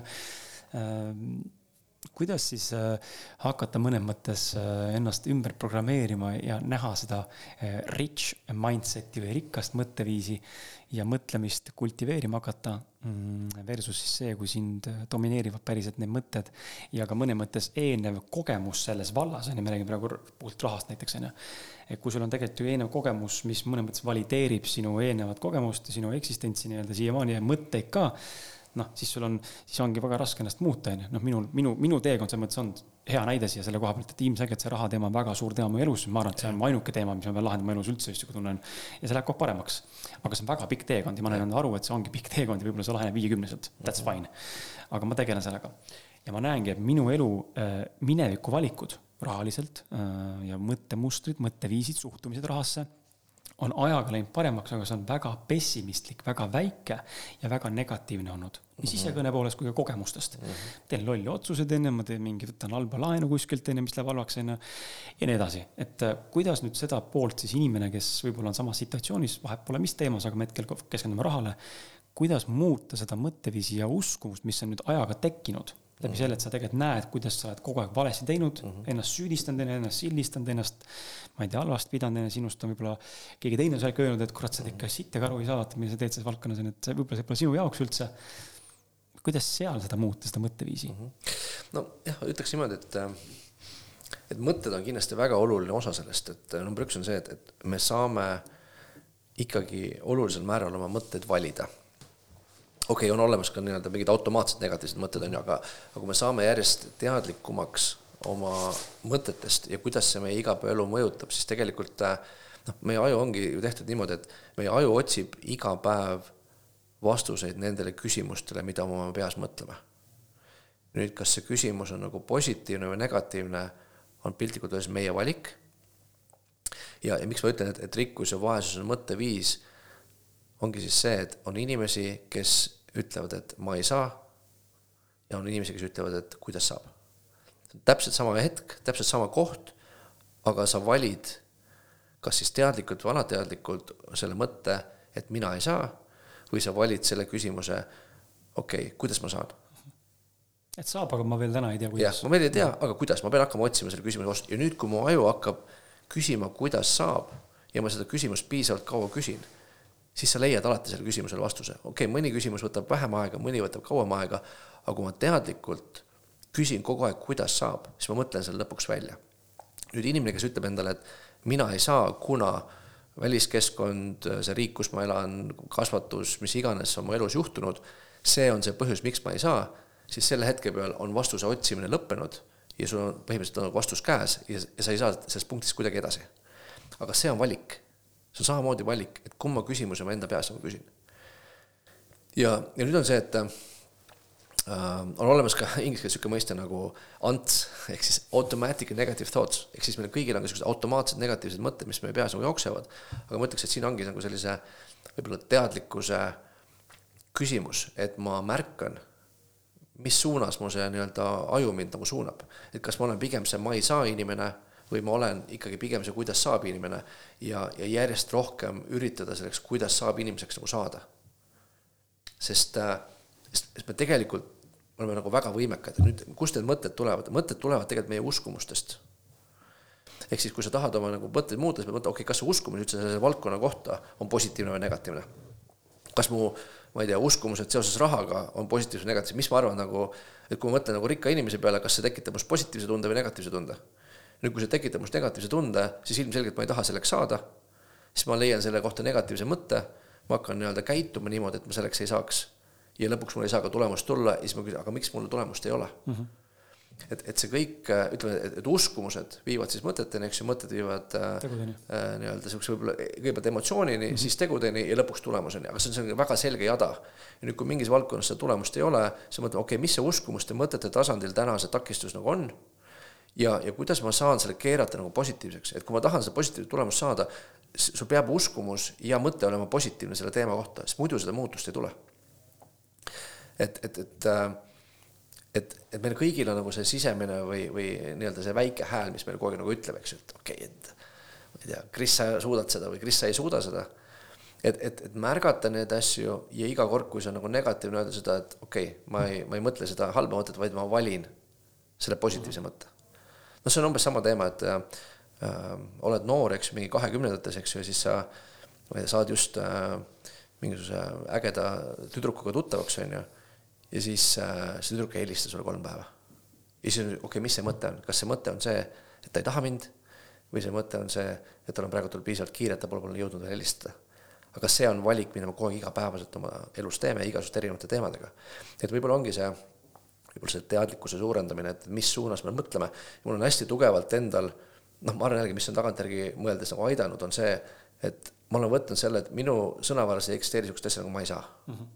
on olemas ainult, kuidas saab ja kui väga ma seda tahan. ja kui ma seda väga tahan, siis ma lihtsalt äh, küsin seda küsimust senikaua, kuni ma lõpuks leian selle lahenduse. et, et see on võib-olla üks selline, ma arvan, mõte võib-olla, mis võib-olla aitaks selles suunas nagu liikuda see küsimus, kuidas saab, äh, tuli mu ellu siin intensiivsemalt äh, jälle selle sinu sama näitena selle valikuna on ju, et, et ma mingi hetk, võib-olla pool aastat tagasi äkki või aasta tagasi hakkasin tundma, et hakkasin, märkasin, ma küsin endalt seda, kuidas saab. ma ei ole varem niimoodi küsinud endalt, ma olen pigem olnud nagu see, ma ei, ma ei ütle, et alati olen öelnud, et ma ei saa, aga see on kaalukauss on olnud tendentsina sinnapoole, et kurat, ma ju täna ju ei tea mm. -hmm. ma ei oska, ma ei oska. siis mingi hetk ma hakkasin küsima, et aga, aga aga kuidagi ju peab saama, noh, et on tõenäosus olemas, et ma saan seda tehtud. kui eksisteerib tõenäosus, järelikult on võimalik ka saavutada. ja võib-olla vaata seesama, läheme korra tagasi see eelmise teemasse, et mis on selle keskkonna nagu abi, on see, et, et kui sa nii-öelda tahad investorina nagu edasi liikuda ja sa ütlesid, et okei okay,, ma ei saa, ma ei oska. ja nüüd sa lähed sellesse keskkonna, kus on sada inimest mm, -hmm. kes kõik justkui oskavad.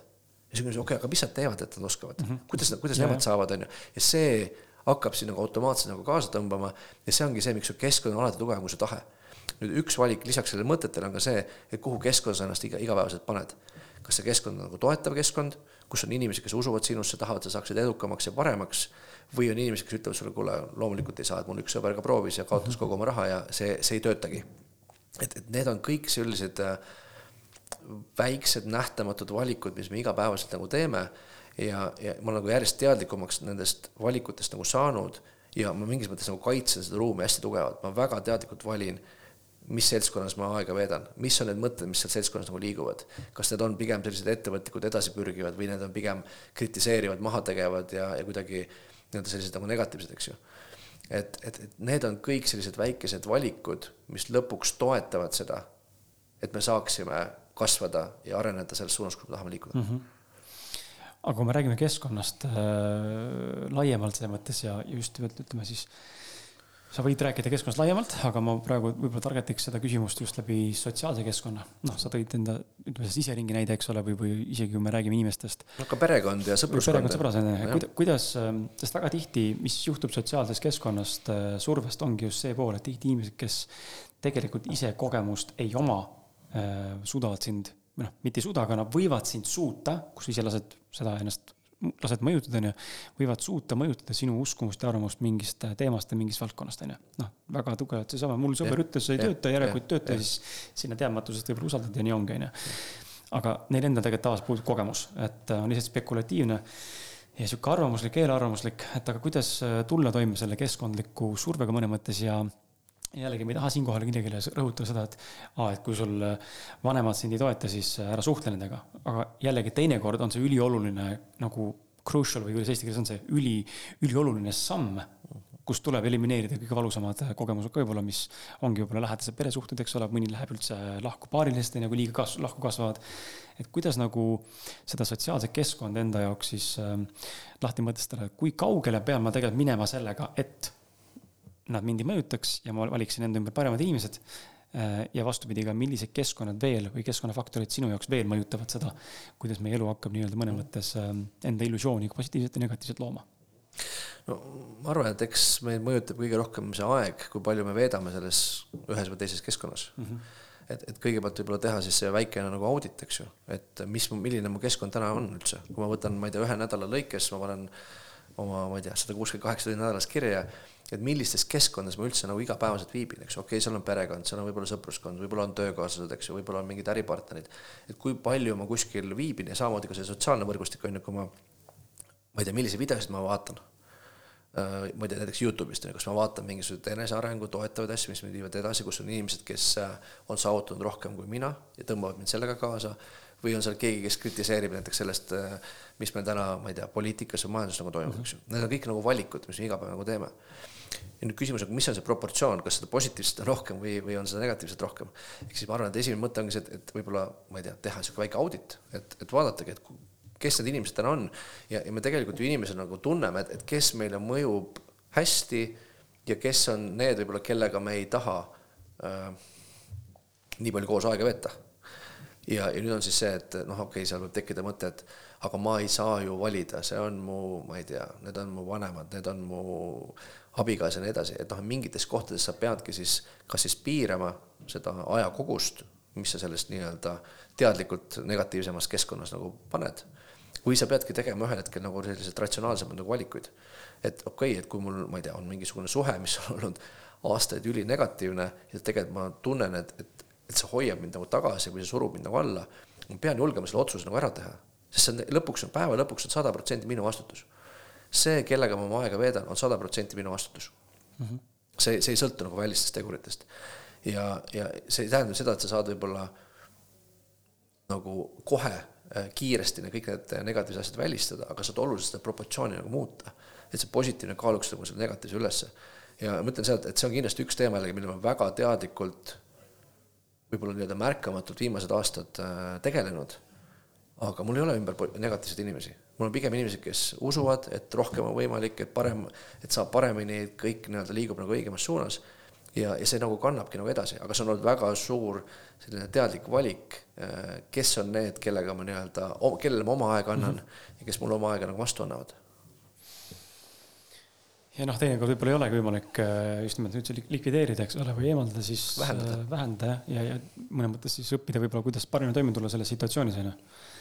et ähm, tuleme, tuleme teemadega korraks siit ähm, kulutuste juurde ja kulude vähendamise juurde. me rääkisime tegelikult sellest saate alguses natukene, äh, just selle põgusalt, kui me räägime investeerimist või ettevõtlust või kapitali kogumist või kogumisest tähendab siis ähm, üks levinumaid viise, kuidas äh, rohkem nii-öelda raha tänaste võimalike ressurssidega saada, on enda kulutusi vähendada.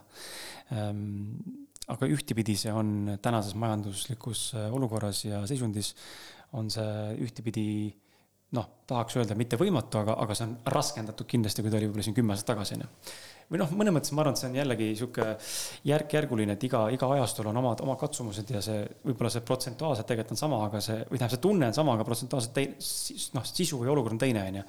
et ähm, see võib-olla näide, mis ma tahtsin nagu illustra-, illustratsiooni tuua, on ju, kui ma surun jõusaalis, ma ei tea, rinnalt kuuskümmend, seitsekümmend kilo, siis mul on väga raske, onju.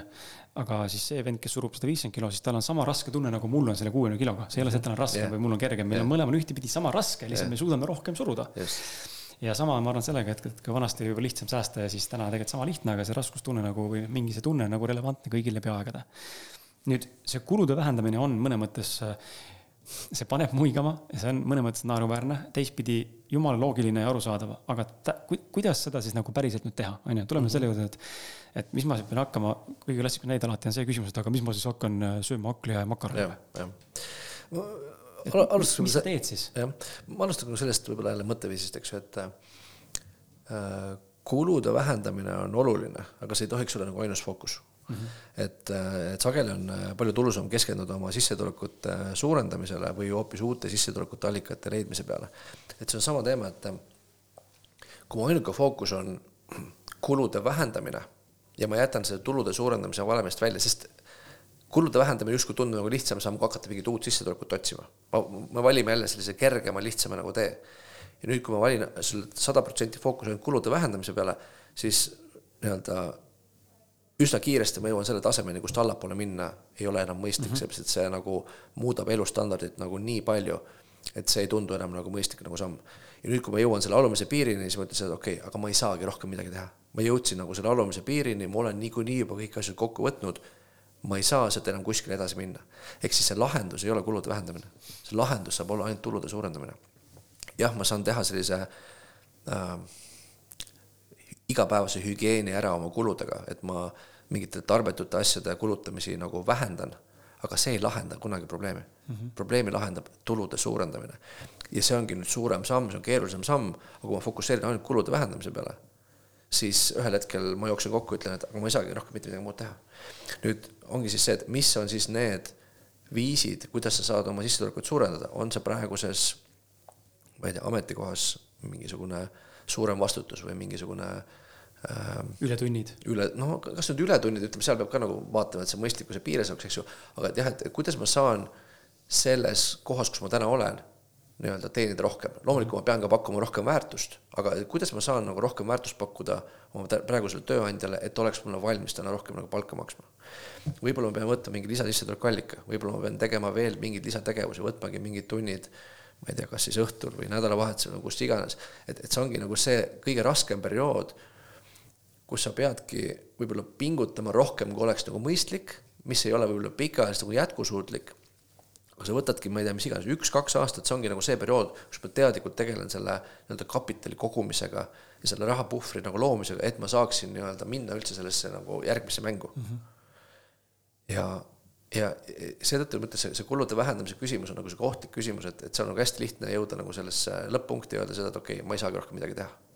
vot tegelikult me saame, me saame leida lahendusi äh,, kuidas oma aega nii-öelda paremini äh, raha vastu vahetada. kui, kui sa, kui sa käid täna tööl, siis sinu tööandja ostab sul täna mingit kompetentsi, ehk sul on mingi oskus, miks ta sulle täna palka maksab, muidu ta sulle seda ei teeks. nüüd, kui sa teadvustad, mis see kompetents on, mida ta sult ostab sa saad ju mõelda, kuidas sedasama oskust ja kompetentsi pakkuda mõnele teisele tööandjale või mõnele teisele partnerile. ega hakata siis nagu laiendama seda, et sa saad aru, et see väärtus on minus eneses olemas, selle eest mulle makstakse täna raha, aga kuidas veel teised inimesed saaksid mulle selle eest raha maksta? ja, ja nüüd ongi see, et see, see on vaja nagu ise välja mõelda. et siin ei ole see, et kuule, tule ütle mulle, et mis mm -hmm. ma, ma olen nii, ma olen nii äh, selles patiseisus, mul ei ole mitte midagi teha, tule ütle mulle, mis ma pean tegema. vot see on nüüd see koht, kus tuleb võtta see nagu see vastutus ja kus tuleb mõelda, kuidas saab. ja, ja, ja see võtabki vahest nagu võib-olla nagu aega, et see vastus nagu leida, aga, aga ma ütleks nagu seda, et, et pigem suunake nagu see fookus tulude suurendamise peale, sest seal on tegelikult see vastus peidus. ja teistpidi, kui sa oled keskendunud sellele pidevale vähendamisele või, või kulude vähendamisele ja koonerdamisele ja kasinale eluviisile nii-öelda, siis tegelikult sa noh, tegelikult ju tunned ju puudust ka mõnes mõttes väga tugevalt mingitest asjadest materiaalsel tasandil, emotsionaalselt kindlasti oled häiritud mingitest asjadest, mis pidid ära lõikama. et äh, su fookus on tegelikult ka sellel mõnes mõttes negatiivsel tundel ja kogemusel. jah, vaata, see ongi see valik, et kas ma, kas ma valin nagu nappuse või valin külluse, eks ju, sa mm -hmm. tegelikult ju noh, tahad ju pigem seda küllust nagu valida. ja, ja nüüd ongi siis see, et noh, mingisugune periood võib-olla elus ma pean äh, lihtsalt võtma selleks, et sellest nagu raskest olukorrast äh, nagu välja tulla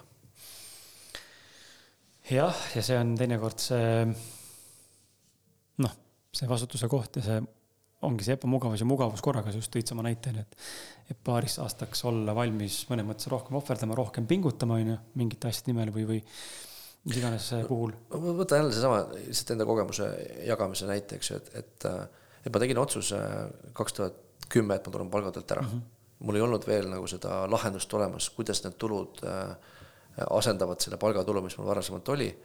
jah, mul oli olemas usk, mul oli olemas ettevalmistus ja ma teadsin, et see varem või hiljem nagu õnnestub. ja, ja, ja ma tegin väga selgelt nagu ühe sammu nagu tagasi, ehk siis oligi see, et ma loobusin oma äh, ametiautost, ma loobusin oma kodust, mille ma välja üürisin, ma läksingi nii-öelda väiksemale elamispinnale, ehk ma tegin, tegin väga teadlikult ühe sammu nagu tagasi. nüüd, kui sa oledki selles nagu raskes punktis, no sa pead olema valmis seda ühte sammu tagasi tegema, sest kui sa hoiad nüüd tänases selles punktis kinni ütled, et okei okay,, et see on see tase, kuhu ma olen oma elustandardi poolest nagu jõudnud, et ma ei taha ka seal enam mingeid mööndusi teha, no siis sa valetad nagu iseendale. sa oled tänases punktis, et sa pead mingi möönduse tegema. sa pead kuskilt kas siis selle nagu aega rohkem kuskile panustama, et sissetulekuid kasvatada või mingeid muutusi nagu tegema, et seda, sellest nagu sellest nullpunktist nagu edasi saada mm. -hmm.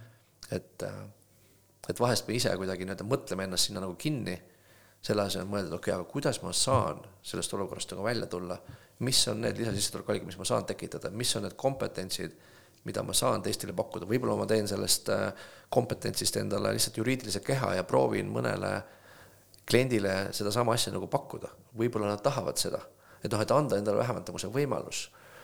ja, ja, ja sealtkaudu ma arvan, et äh, tulevad need lahendused ka. ja vaata, seal on see ühiskondlik surve ka mõne mõttes juures on ju, et äh, kui sa vähendad enda staatust või tiitlit või, või autot, eks ole, või kodu või mis iganes keegi, mille järgi edu justkui parameetrite alusel mõõdab, on ju.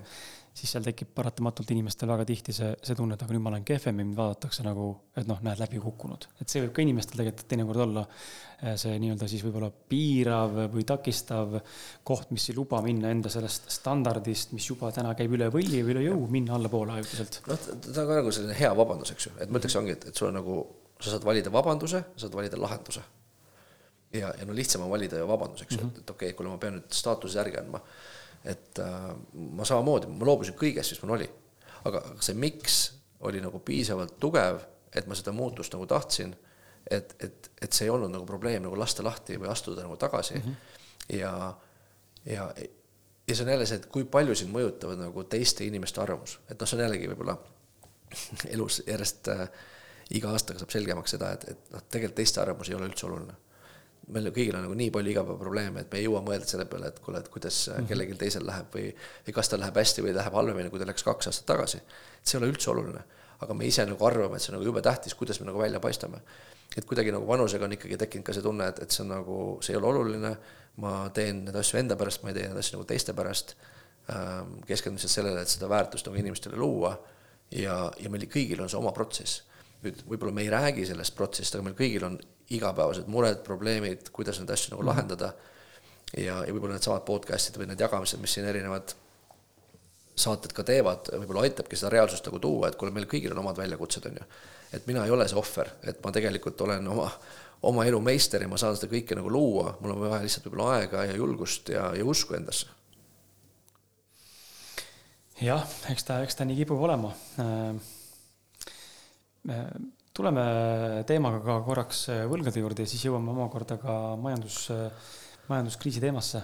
Ja, ja siis jõuame veel võtta siit mõned küsimused, et tund kümme on täis tiksunud, et äh, halvad võlad ja halvad laenud äh,, kuidas nendest võimalikult kiiresti vabaneda?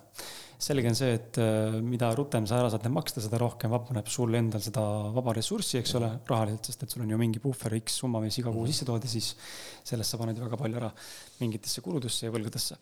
kuidas nendest siis kiiresti vabaneda või, või efektiivselt vabaneda, seejuures ennast mitte läbi põletamata või tundes ennast halvasti, eks ole, ja ja teistpidi jällegi tehes seda nagu targalt niimoodi, et see oleks ka jätkusuutlik, et noh mm -hmm., see ei ole lahendus, kui ma ühe kuu maksan ja siis äh, ja siis järgmised neli aastat äh, ei suuda maksta mm. -hmm. no alustame jälle sellest, et äh, see definitsioon, eks ju, et, et, et me saame aru, et olemas kahte tüüpi võlga, on olemas hea võlg, on olemas halb võlg, eks ju, et sa küsisid halva võla kohta. halb võlg on siis see võlg, mida sina ise maksad. hea võlg on see võlg, mida keegi teine maksab. et, et kõik võlad ei ole halvad, et kui sa oled äh, ettevõtte investor ja sa tead, mida sa teed, siis sa võid kasutada võlga võimendusena selleks, et kiiremini oma varasid kasvatada aga enamus inimesi kasutavad siis võlga nii-öelda äh, negatiivses mõttes ja tegelikult satuvad nagu keerulisse nagu olukorda, et see võlas olevate inimeste nagu protsent, halvas võlas olevate inimeste protsent on nagu üllatavalt nagu suur, eks ju äh,. see, see peab olema nagu selles mõttes nagu selge nagu arusaam, et esiteks, mis need võlad üldse on, kui palju sul neid võlgasid on ja no ütleme, kui me räägime nagu tehnilisest lahendusest, on nagu kaks nagu teed, eks ju, et üks tee on see, et äh, ma lihtsalt maksan ära, kui näiteks on viis võlga, ma maksan lihtsalt ära nagu selle kõige väiksema võla, et ma tunneksin emotsionaalselt, et mul on viie asemel neli võlga. see annab sellise nagu psühholoogilise võidu mm, -hmm. mis võib olla nagu üks viis, kuidas seda, seda vähendada, eks ju. miks mitte kõige suuremat esimesena maksta? see on eks siis ongi nagu kaks valikut, et üks valik on see, et sa maksad ära selle kõige väiksema, et lihtsalt võlgade arv oleks mm -hmm. väiksem. ja teine valik on see, et sa maksad ära kõige kõrgema intressiga asjast, äh, hakkad sealt pihta, eks ju. aga nüüd jällegi, et kui me jõuame nagu selle, kuidas see võla maksmine üldse võimalik oleks, on ju seesama teema, et mul peavad kõik tulema sissetulekud mm. -hmm. nüüd sissetulekus peavad tekkima rahavarud.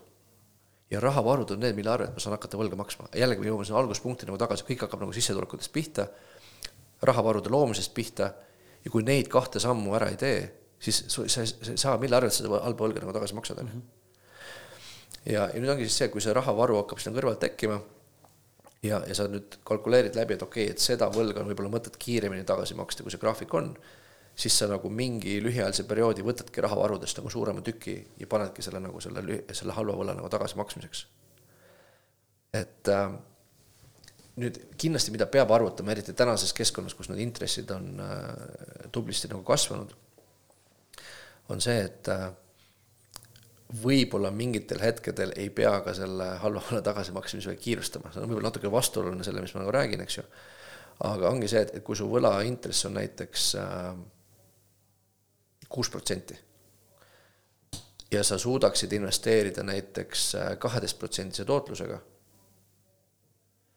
siis on nagu küsimus see, et, et mul ei ole mõtet nagu maksta seda võlga tagasi ja saada lahti kuuest protsendist, kui ma võin sedasama raha, millega ma tagasi maksaksin, panna kaheteistprotsendise tootlusega tööle mm. -hmm. ehk ka sellel tagasimaksmisel on oma hind. ja seesama intress, mida sa laenu eest nagu maksad, on justkui nagu potentsiaalne tootlus, mida sa võiksid kuskilt mujalt saada. ja nüüd, kui vastupidi, kui see protsent on näiteks väga kõrge, kellelgi on mingisugune kiirlaen, eks ju, tal on nagu, ma ei tea, kakskümmend protsenti on seal äh, mingisugune intress aastas äh, ja ma suudan näiteks investeerida kümne protsendiga, siis mul on pigem kasulikum maksta see laen tagasi, kui leida mingisugust väga head investeerimisvõimalust, et sa, et samamoodi seal on see nagu finantsteadlikkuse küsimus, et, et sa, sa pead võrdlema nagu seda laenuintressi selle, selle tootluse intressiga. ja kui see rahatarkus nagu ajas nagu kasvab, siis mingil hetkel noh, ma võin jõuda justkui sellise vastuolulise otsuseni, et kuule, mul ei ole mõtet seda neljaprotsendist nagu laenu tagasi maksta, kui ma võin selle sama rahaga teenida kaksteist protsenti. ma teenin kaheksa protsenti aastas nagu rohkem, las ta tiksub, ma nimetan seda õigesti ikkagi halvaks võlaks, ma tean, et see on halb ähm, aga samas ju mu ilmselt investeering tahab tegelikult seda kinni. samas mu investeering maksab selle mm -hmm. kinni ja, ja, ja tegelikult sellest ei juhtu nagu mitte midagi ja, ja pigem on see, et ma panen sellele äh, halva võla nagu võtmisele kui ideele, panen nagu selle, külmutan selle idee nagu ära, et okei okay,, need on need võlad, mis ma olen minevikus võtnud äh,. ma nimetan neid nagu ja ma ei ütle seda, et mul on võtnud kodulaenu, et siis see tegelikult on hea laen, sest ma ju tahan kuskil elada, eks ju et sa nimetad asju õigete nimedega. ja, ja, ja siis ongi see, et sa põhimõtteliselt äh, jätadki selle halva laenu sinna tiksuma, sellepärast et sa juba oled piisavalt finantsiliselt tark, et sa võid selle raha nagu kõrgemalt, äh, äh, kõrgema tootlusega kuskilt mujalt nagu saada. See muidugi eeldab ka seda, et koht või inimene, isik, kelle käest sa selle laenu oled võtnud, eks ole, ta on ka nõus siis mõnes mõttes muidugi siis tuleb talle lahti rääkida ka, ma eeldan seda asja ilusti viisakalt, onju, et talle ka ette manada või sellele ettevõttele või asutusele, onju, et, et see oleks nagu loogiline mõnes mõttes ka ma... tema ei oota, et see pikeneb, see laenu tagasimaksmine pikeneb selle võrra, et sa tegelikult tagasi ei maksa. just, et, et täpselt, et üks on see, et, et mul on olemas nagu selge plaan, et ma ütlen, et see on okei okay,, kui ma veel maksan näiteks viis või kümme aastat seda, mis iganes nelja-viieprotsendilist laenu, eks ju. Aga mul üks mingi mõte, mis ma tahtsin sulle selle kohta öelda mm.. intressiga või laenusummaga või tagasimakseperioodiga või?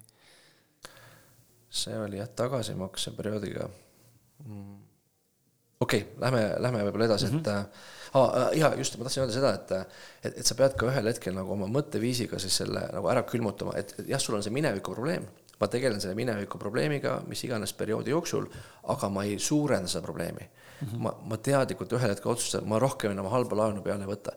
noh, näide on see, et äh,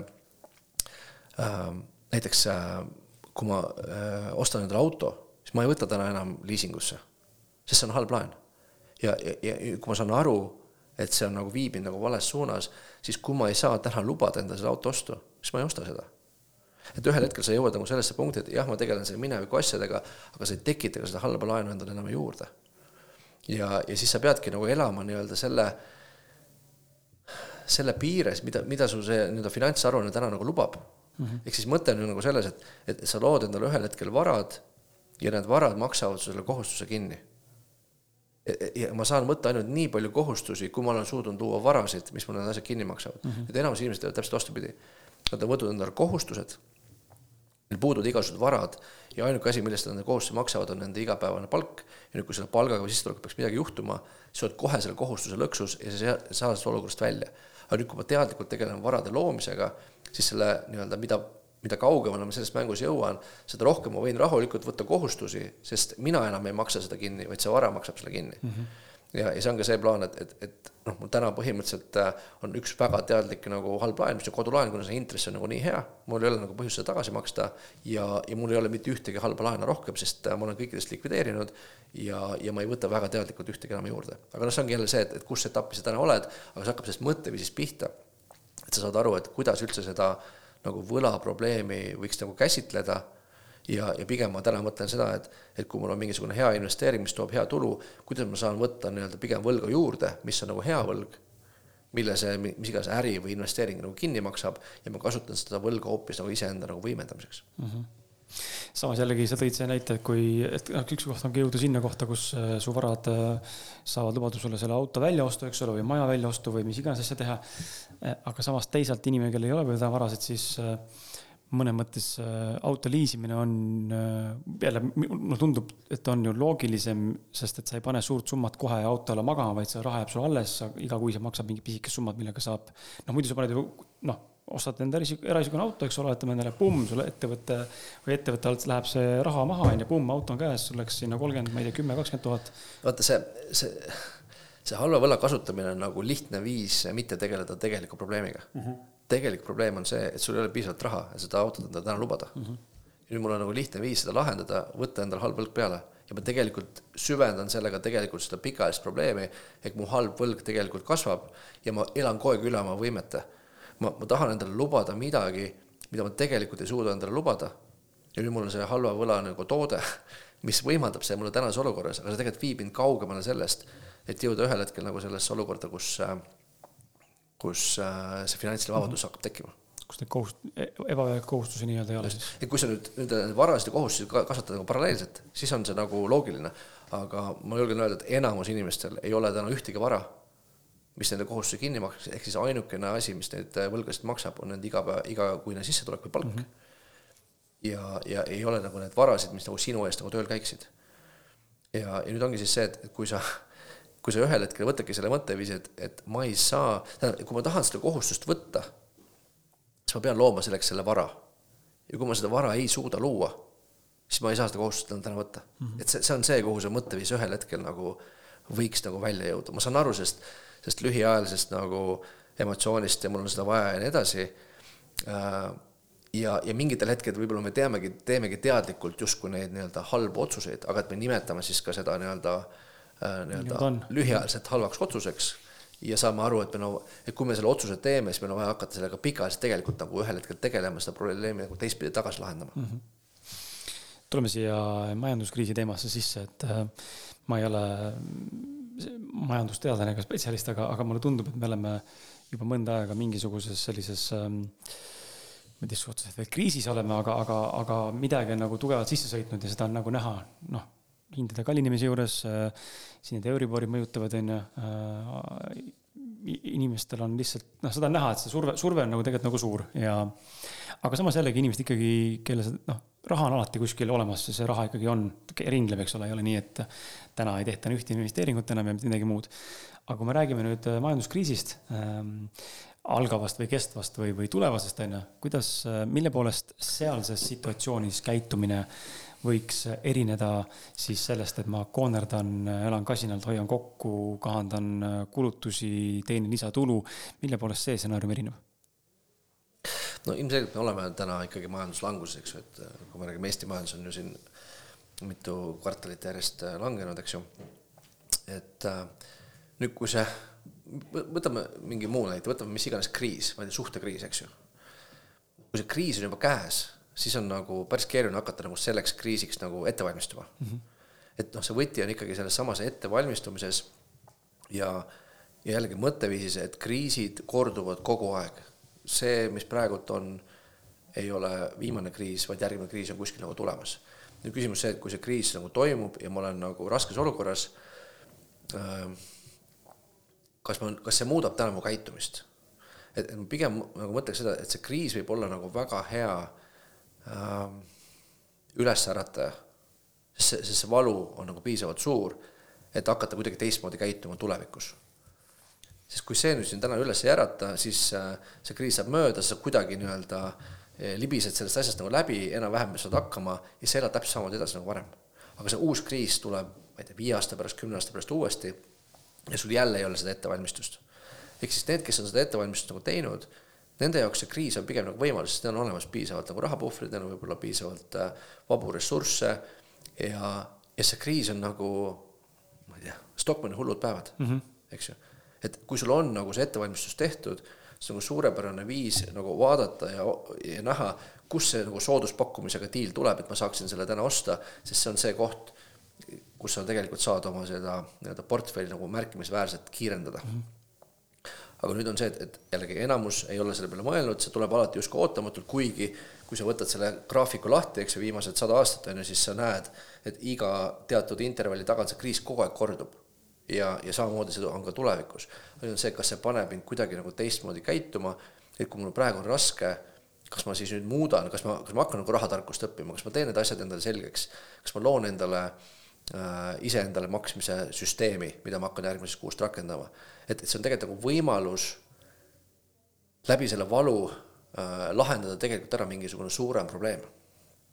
et noh, vaata öeldakse, see kriis on alati nagu oht ja võimalus koos. enamus inimeste jaoks on see oht, väga paljude jaoks on see ka võimalus, kes on ette valmistunud. aga et, et, et mõelda, et kuidas ma saan nagu oma isiklikus plaanis selle nagu võimaluseks keerata ja, ja targemalt nagu käituda. nüüd loomulikult lühiajaliselt rääkides, noh jah, sa saad teha mingisuguseid väikseid nagu korrektuure, sul peab olema siis võib-olla mingi selline ma ei tea, paindlikum viis siis äh, äh, paindlikum viis siis seda nagu raha kuidagi kätte saada kuskilt, kus sul, kui sul seda vaja peaks minema. aga no sul ongi väga vähe käike, sest see asi on juba käes. et, et jällegi lõpuks lahendus on ikkagi sissetulekute suurendamine, äh, kulude ülevaatamine mingi mõistlikkuse piires äh, ja that's it, et sa saadki hakata, ütleme täna siis võib-olla sedasama nii-öelda puhvri loomist nagu teadlikumalt nagu tekitama, see ei lahenda sul seda kriisiprobleemi ära, sest see on nagu liiga, liiga lühike aeg, kui sa nüüd täna alustad esimest korda elus raha kõrvale panemist, siis see ei aita sind selles kriisis nagu väga palju nagu edasi mm. -hmm. noh, mis aitab, on see, et tõesti nagu natukene võib-olla kulud üle vaadata, võib-olla tekitada mingid lisasissetulekud ja loota, et see kriis mind nagu päris nagu maha ei võta. aga kasutada seda võimalust, hakata nagu ette valmistuma selleks järgmiseks kriisiks, sest see niikuinii tuleb. ja, ja nüüd, kui ma sain siit selle kogemuse, et et, et see tuli nagu üllatusena ja ma ei olnud ette valmistunud, siis see võiks olla nagu äratuskõne. et ega, ega siin muid nagu, nagu kiireid nagu lühiajalisi nagu plaastri panemise trikke nagu ei ole, sest see asi on juba käes ja, ja ma pean lihtsalt vaatama seda, et mul need numbrid kuu lõpus nagu kokku tulevad rääkisime siin äh, täna äh, sinuga ka sellest äh, rahatarkusest, eks ole, tegelikult me oleme igas saates sinuga sellest rääkinud ja sa ise, see on sinu põhi, peamine, peamine nagu fookus ka ja meil tegelikult see saate lõpu teemana võtakski ette just nagu selle rahatarkuse, aga ettevõtjatele, ettevõtetele fookusena ehk meeskondadele. ja, ja miks see just oluline on, et äh, sa ise oled öelnud mulle ka siin saateväliselt, et äh, finantsiliselt intelligentne töötaja on päeva lõpuks väärtuslikum ja õnnelikum ressurss ka meeskonna jaoks. mida sa nagu selle all silmas pead ja, ja mida sa nagu suures pildis äh, mõtteviisile, kuidas, noh, kuidas sa seda mõtteviisi kultiveerida või suhtumist eesmärgile äh, lähemale suunata ja, ja mida siis ettevõtja või, või ka töötajana peaks nagu tähelepanu pöörama või kuidas sellega alustada või kogu tiim saata sinu koolitusele või see on meeskonnasisese kuidagi kultuuri ülesehitamine teistmoodi või on see töötajale äh, investeerimisportfelli loomine või, või kuidas seda kasvumentaliteeti nii-öelda siis luua mm -hmm. ja rahatarkust hakata inimestesse siis tooma? jah, see hakkab jälle sellest samast juhi äh, mõtteviisist nagu pihta. et äh, et tegelikult on ju tehtud äh, ka erinevaid nagu uuringuid, mis siis näitavad seda, et kui sul on nagu rahatargemad äh, töötajad, siis see tegelikult äh, vähendab ühtepidi töötajate finantsstressi ja, ja kui, kui see stress on nagu väiksem, siis ta kokkuvõttes on ka nagu väärtuslikum töötaja, ta panustab sellesse mhm. meeskonda hoopis teistmoodi. kui saab rahaasjadest aru, ta oskab võib-olla ka märgata ettevõtte sees mingisuguseid finantsteemasid, oskab seal kaasa rääkida ja nii edasi, et neid kasusid on tegelikult väga-väga palju. et see algab, algab ikkagi sellest juhi enda äh, kuidas ma ütlen, nagu maailma nagu vaatest, et, jällegi, sul on nagu valik, sa võid olla kahte moodi juht, eks ju, üks juht on see, kes ütleb seda, et kui minu töötaja saab raha targemaks siis äh, ma suurendan seda riski, et ta läheb minu juurest ära ja hakkab ettevõtlusega tegelema ja ma kaotan oma töötaja. see on üks mõte. teine mõte on see, et kui mu töötaja äh, on rahaliselt targem, siis äh, tal on vähem finantsstressi, ta on tõenäoliselt nagu lojaalsem töötaja minu jaoks, sest tal ei ole nagu neid rahamuresid, ta saabki nagu pühenduda maksimaalselt sellele tööle ja, ja ta suudab nii-öelda rohkem nagu väärtust tänu sellele luua ja tegelikult ka mõjub positiivselt äh, nagu selle ettevõtte mainele, kui meil on selline kultuur, kus meil on rahatargad töötajad. see on jällegi nagu juhi enda nagu valik, kummat pidi ta nagu mõtleb. ja, ja, ja ma usun ikkagi see, kui me võtame nagu pika plaani, siis see, kui sul on nii-öelda targemad töötajad, siis see kokkuvõttes mõjub nagu ettevõttele hästi, nüüd kui keegi, kui kellelgi on see nagu väga tugev ettevõtja nagu peidus siis see, et ma võtan talt ära mingi informatsiooni või ma ei, või ma ei anna talle informatsiooni, see ei tähenda seda, et tast seda ettevõtjat kunagi ei saaks. pigem nagu vastupidi, et kui, kui, kui tööandja omalt poolt nagu pigem panustab sellesse, siis see näitabki seda, et ta hoolib sellest töötajast rohkem, see tegelikult tekitab nagu vastastikku usalduslikku palju rohkem. kui sul on nagu nii tark juht, kes nagu panustab ka selle nii-öelda meeskonna sellisesse isiklikku nagu heaolu, et nad ei peaks oma olme asjade pärast muretsema mm. -hmm see tegelikult nagu tõstab selle juhi hoopis teise valgusesse ega selle organisatsiooni teise valgusesse kui need organisatsioonid, kes, kes kardavad seda teha. ja, ja see ongi see, miks ma olen nagu võtnud ka selle suuna, et, et kui on äh, ikkagi selliseid äh, edumeelseid nagu juhte, et me hea meelega nagu võtame selle meeskonna ja me aitame selles meeskonnal need baasteadmised nagu edasi anda ja, ja see kokkuvõttes nagu loob sellele, sellele ettevõttele või juhile nagu palju rohkem nagu väärtust. et, et see on võib-olla selline üks selline uus äh, võib-olla suund, kus me oleme nüüd viimased äh, perioodi nagu keskendunud ja, ja kui on selliseid ettevõtjaid või, või juhte, kes seda kuulavad, siis äh, võite julgelt äh, ühendust võtta ja ja, ja me saame siis võib-olla korra maha istuda ja arutada, mismoodi seda selles meeskonnas nagu teha. ja teine pool, mis ma ise olen nagu näinud, olles noh, töötanud ka juhtivate positsioonidel, kus mul on siis enda tiim, eks ole, ja olles ise ka olnud ähm, nii-öelda siis mittejuhtival positsioonil, kus ma olen see tiimiliige ja ma olen märganud ka seda, et ähm, see küll ei lähe rahatarkusega otseselt kokku, aga, aga see võib-olla läheb sellise suurema vastutuse ja vastutuse tõstmisega võib-olla ja, ja ütleme sellele töötajale siis sellise suurema pildi nagu manamisest, mis omakorda võib ka viia selleni, millest ka sina räägid, et töötaja on efektiivsem ja vähem olmeprobleeme ja vähem stressi, eks ole. et kui inimene saab kaasa rääkida või vähemalt tal on ettekujutus, mis organisatsioonis toimub, on ju, ja kust tuleb mingisugune noh, kolmega tipus ütleme juhi otsus, on ju, miks ta selline on või kuidas ka kõige lihtsama, mitte üldse alustava kuidagi, aga kõige lihtsama ametialase töö ja kuidas see töö tegelikult mõjutab tervet organisatsiooni või sinu juhi otsest tööd või ettevõtte käivet ja kasumit, on ju, siis äh, see võib väga märkimisväärselt ka tegelikult ju aidata tõsta töötaja efektiivsust ja soovi nagu panustada, kui ta tegelikult saab aru, mida ta teeb ja miks ta teeb. absoluutselt ja, ja, ja eriti juhid ja ettevõtjad peaksid nagu aru saama, et, et selleks ettevõtjaks alustamine, see ei ole üldse mingi lihtne ülesanne mm. -hmm. ja see tõenäosus, et, et nüüd keegi seda nagu sellepärast hakkab tegema, ma ütleks, on pigem nagu väga väike, kui ta seda teeb, ta teeb seda niikuinii ja ta pigem ei tee seda, kui tal on olemas väga hea keskkond kus ta saab asv-, kasvada, areneda ja ta ei pea muretsema oma finantsolukorra pärast. siin on üks äh, uuring ka, mis äh, PricewaterhouseCoopers äh, selle kohta tegi, mis ütles seda, et see finantsstress mõjutab siis negatiivselt töötajate keskendumisvõimet ja produktiivsust. ja see näitas siis seda, et finantsstressist töötajad veedavad töö ajal rohkem aega oma finantsprobleemidega tegelemisele ehk siis, kui sul on see kodus see rahaprobleem lahendamata, sa kasutad seda tööaega nagu mitte nagu tööl väärtuse loomiseks, vaid sa kasutadki selle probleemi lahendamise peale mõelda, kuidas ma saan nüüd oma selle olme nagu ära lahendada mm. -hmm. ja, ja, ja lõpuks see ongi seesama aeg, mida äh, töövõtja tööandjalt nagu ostab ja nüüd on küsimus see, et kuidas ta seda aega nagu kasutab. ehk siis seal on tegelikult väga palju niisuguseid nagu pikaajalisi kasusid, mida võib-olla targad juhid äh, oskavad ka märgata ja see ongi see, kus me näeme, et me saame päris palju nagu abiks olla ettevõtetele ka. Ja ma ise olen ka näinud seda, et kui on, ütleme, töötaja või, või meeskonnaliige, kes äh, võib-olla isegi kui ta ei tegele nende rahaprobleemidega, aga võib-olla ütleme, intervjuu lubas ennast rohkem üle, kui tegelikult äh, täna siis eh, nii-öelda kohalolevust tegelikult oma tööga annab, on ju, või panustab. siis tegelikult see muutub lõpuks äh, juhile ja, ettevõttele väga kalliks äh, tasuks on ju, sest et sa maksad lihtsalt noh, mitte tühja, aga sa maksad vägagi palju, võib juhtuda see, et sa maksadki üle, ehk siis üle makstud ja teiseks on mõnes mõttes maksad ka tühja, sest et tegelikult ei panusta, on ju. ole kohal. okei okay okei okay,, nii et äh, ettejuhid, juhid, kes kuulavad, siis äh, koolitusele võtke vallaga ühendust ja, ja vaadake, vaadake ja arutage, kuidas saab. jah, me saame teha kasvõi mingisuguse siseürituse, eks ju, et mm, -hmm. et ei, ei pea saatma neid ühekaupa, eks ju, võib-olla mm -hmm. teha ka ettevõtte sees mingisuguse eraldi programmi, eks.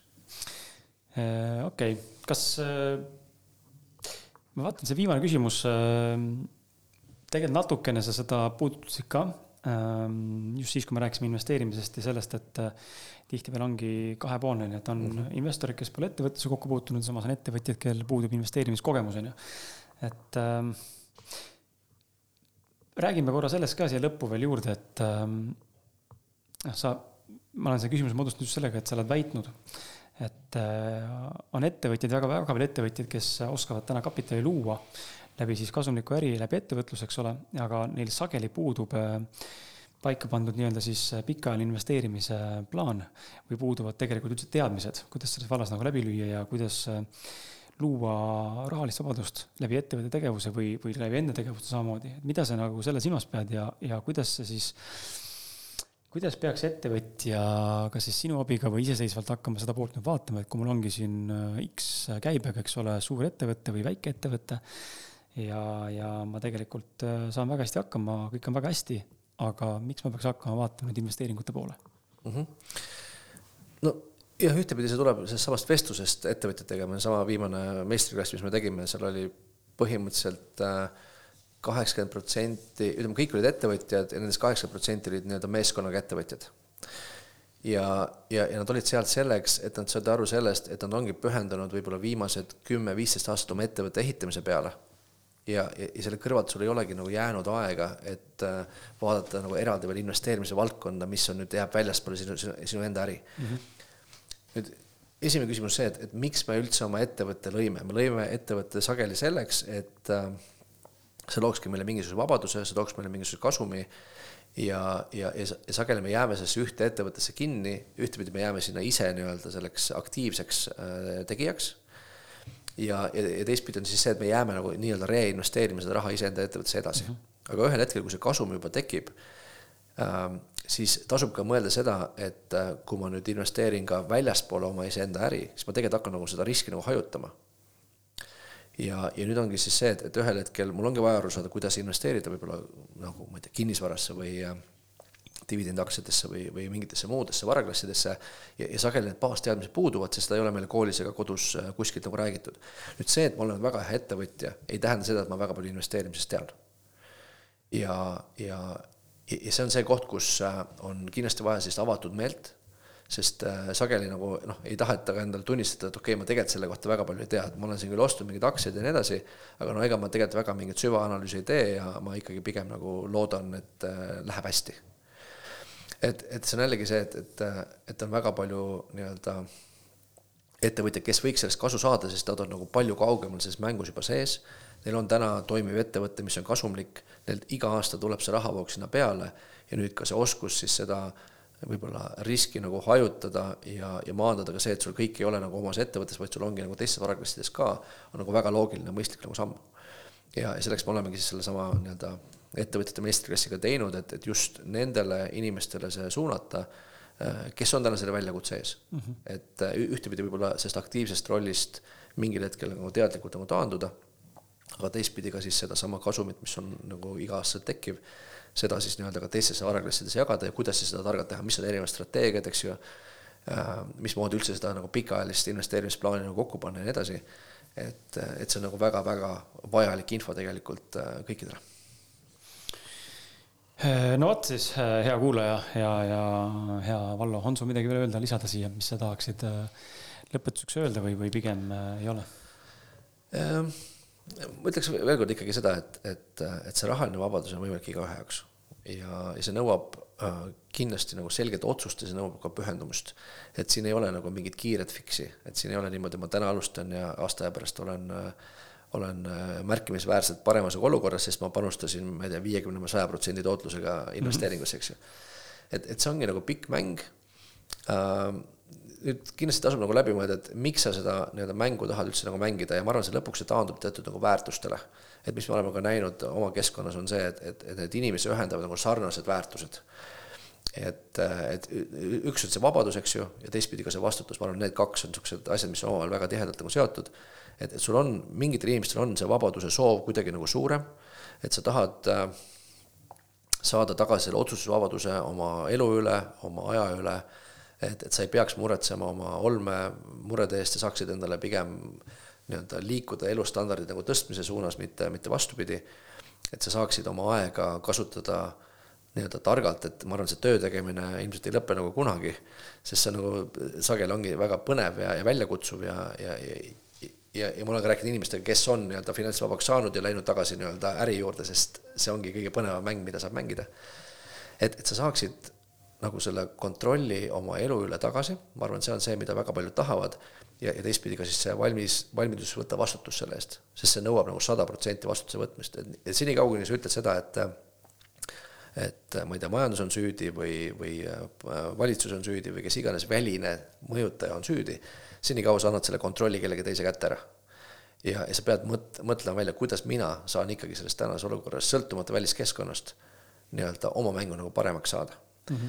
ja, ja, ja kindlasti sinna juurde käib siis ka seesama see ettevõtlikkus, koostöö, areng, et need on need väärtused, mis äh, on ühendanud neid inimesi, kes täna neid muutusi teevad ja kui sa nendest väärtustest ennast nagu ära tunned, avatud meel ka, eks ju, siis äh, kindlasti äh, tasub mängida seda mängu koos, see on palju lõbusam, kui üritada üksinda kõik vastused leida aitäh sulle, sinuga on äh, hea lihtne vestelda, ma usun, et sul on seda varasemalt öeldud ka ja sa oled äh, üks väga suurepärane koolitaja, kes oskab väga hästi ennast väljendada ja sinu mis mulle just sinu juurest väga meeldib ja miks teeb see asja mugavaks, et sa suudad hästi lihtsalt ja arusaadavalt, sõltumata võib-olla inimese, ja ma ei pea silmas ainult ennast, ma pean silmas kuulajat ka, ma usun, et kuulajad on nõus, et sõltumata inimese enda arengust või, või ütleme, sellest finantsilisest intelligentsusest tasemest lähtuvalt saad sa selle sõnumi ja selle kommunikatsiooni tegelikult ikkagi tehtud.